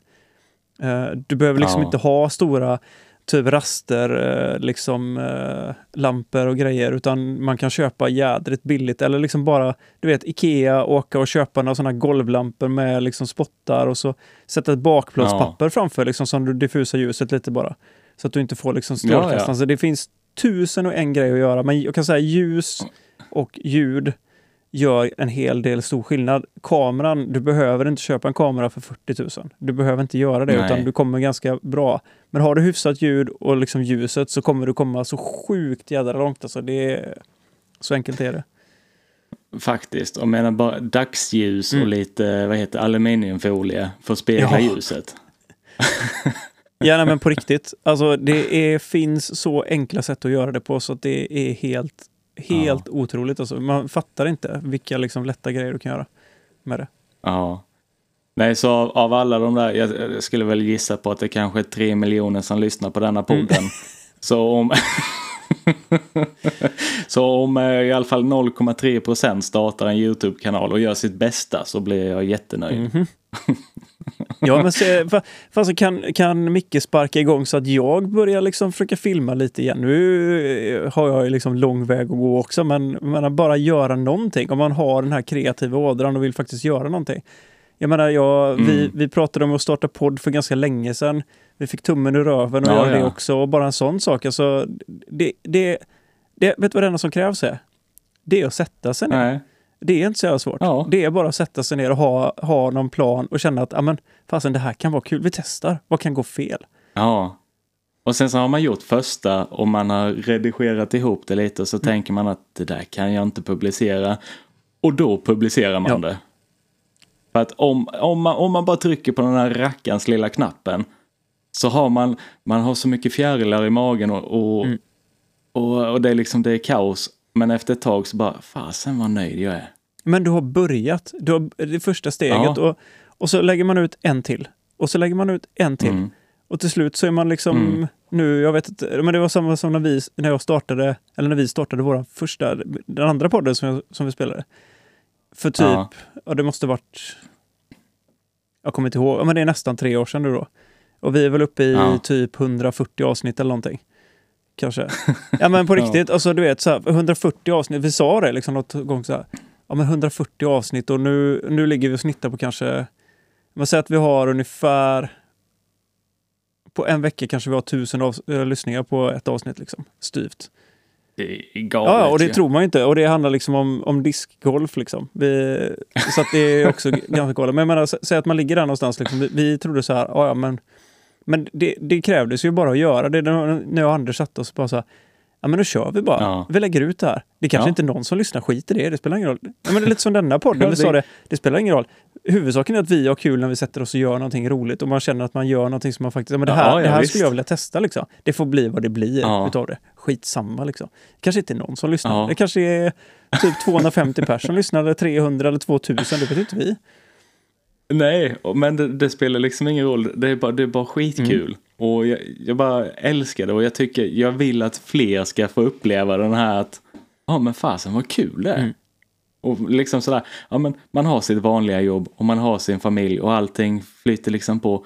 Men sen så bara gör något helt annorlunda och bara gå ut i det offentliga eller vad, vad man nu kan säga och bara och inte ha en susning om vad man håller på med. Det är skitspännande. Ja, ja. Och man lär sig på det. Och man får liksom, man Ja. blir erfarenheter rikare och det är väl lite det som hela livet handlar om någonstans. Alltså samla på sig erfarenheter och du vet, någon sa det någon gång, flest prylar när man dör vinner. Men jag skulle säga så här, flest minnen och erfarenheter innan man dör har kommit väldigt långt. Man har inte vunnit, men de har Oh, kommit ja. hur långt som Nej. helst. Så är det ju faktiskt. Nej, jag, jag, tycker, jag tycker som du. Skönt då. Vad, ska, vi, ska vi nöja oss så här den här veckan? Eller? Jag vet inte hur länge vi har pratat Alltså vi är uppe i nästan eh, en, en timme och 45 minuter styvt. Det är ju lite galet i sig. Det är jätteskönt är det. Ja, jag hade kunnat sitta och prata flera timmar Eller till. hur? Men eh, Vi får spara någonting till nästa Men- vecka också. ja, men faktiskt. Och nästa vecka då ska vi prata om eh, kom på något. Ja. Insert valfritt. Ja, men det kan vi väl säga mycket. Om det är någon som har någonting man skulle vilja ta upp så får ni jättegärna skicka typ ett DM eller någonting på Instagram till oss. Eh, ja, men typ, Ja, det här absolut. skulle jag vilja att ni grottar ner er lite. Det hade varit skitkul att höra hur, Mm. vad ni tänker om detta. Eller vad tycker ni om det här? Mm. Så kan vi bara sitta och säga vad vi tycker och försöka få alla till att tycka som vi. För vi vet bäst. Precis. Det sa alltid morsan. Åh, Ja. nej herregud. Nej, sånt håller vi inte på med här i, den här podden. Utan vi, vi, ja, vi säger det vi tycker. Ja. Och, Och tycker ni inte som kul. oss? ja. Och tycker ni inte som oss Nej. så är det helt okej. Ja, 100 procent. Du, eh, ska vi tacka för idag då? Ja, men det tänker jag att vi ska göra. Och vi ska tacka, vad hette nu eh, våran vän som spelar in den fantastiska introjingeln? Han hette Sonny och jag är så jävla kass på namn, men Johansson kanske han heter. Om inte annat så heter han den nu. Så tusen tack till Sonny för den riktigt mysiga introlåten. Alltså jag, jag smällde av när jag hörde den. Du skickade den till mig och jag bara, ja men den här är ju grym liksom. Så fruktansvärt bra. Så att, tack så Ja. otroligt mycket för det. Eh, så kör vi en liten outro-jingel här nu då. Ja. Fint. Eh, ska du göra någonting spännande här nu härnäst? Eh, nej, jag ska byta vattenfilter i huset och byta ett litet tak på ett skjul. Så mycket mer spännande än så är det inte. Nej. Eh, Faktiskt. Det låter ungefär lik- Ja, men det är typ samma sak. Vi har, eh, våran tvättmaskin har dött så vi ska sätta in en ny tvättmaskin i helgen. Det är väl ungefär så långt. Sen får jag se om man kanske hinner eh, åka och dra några kast. Jag är lite sugen på att köra lite landfiske. Vi får se. Mm. Jag ska ut nästa vecka och försöka fiska lite stor abborre. Nice. Jag måste byta propeller till, min, till min motor. så Mm. Går det ja. när man är lite girig och går på grund. Ja, det är lätt Ja. hänt. Men gött min vän. Tack för denna veckan så hörs vi framåt. Tack så hemskt mycket. Peace out! Tjingeling!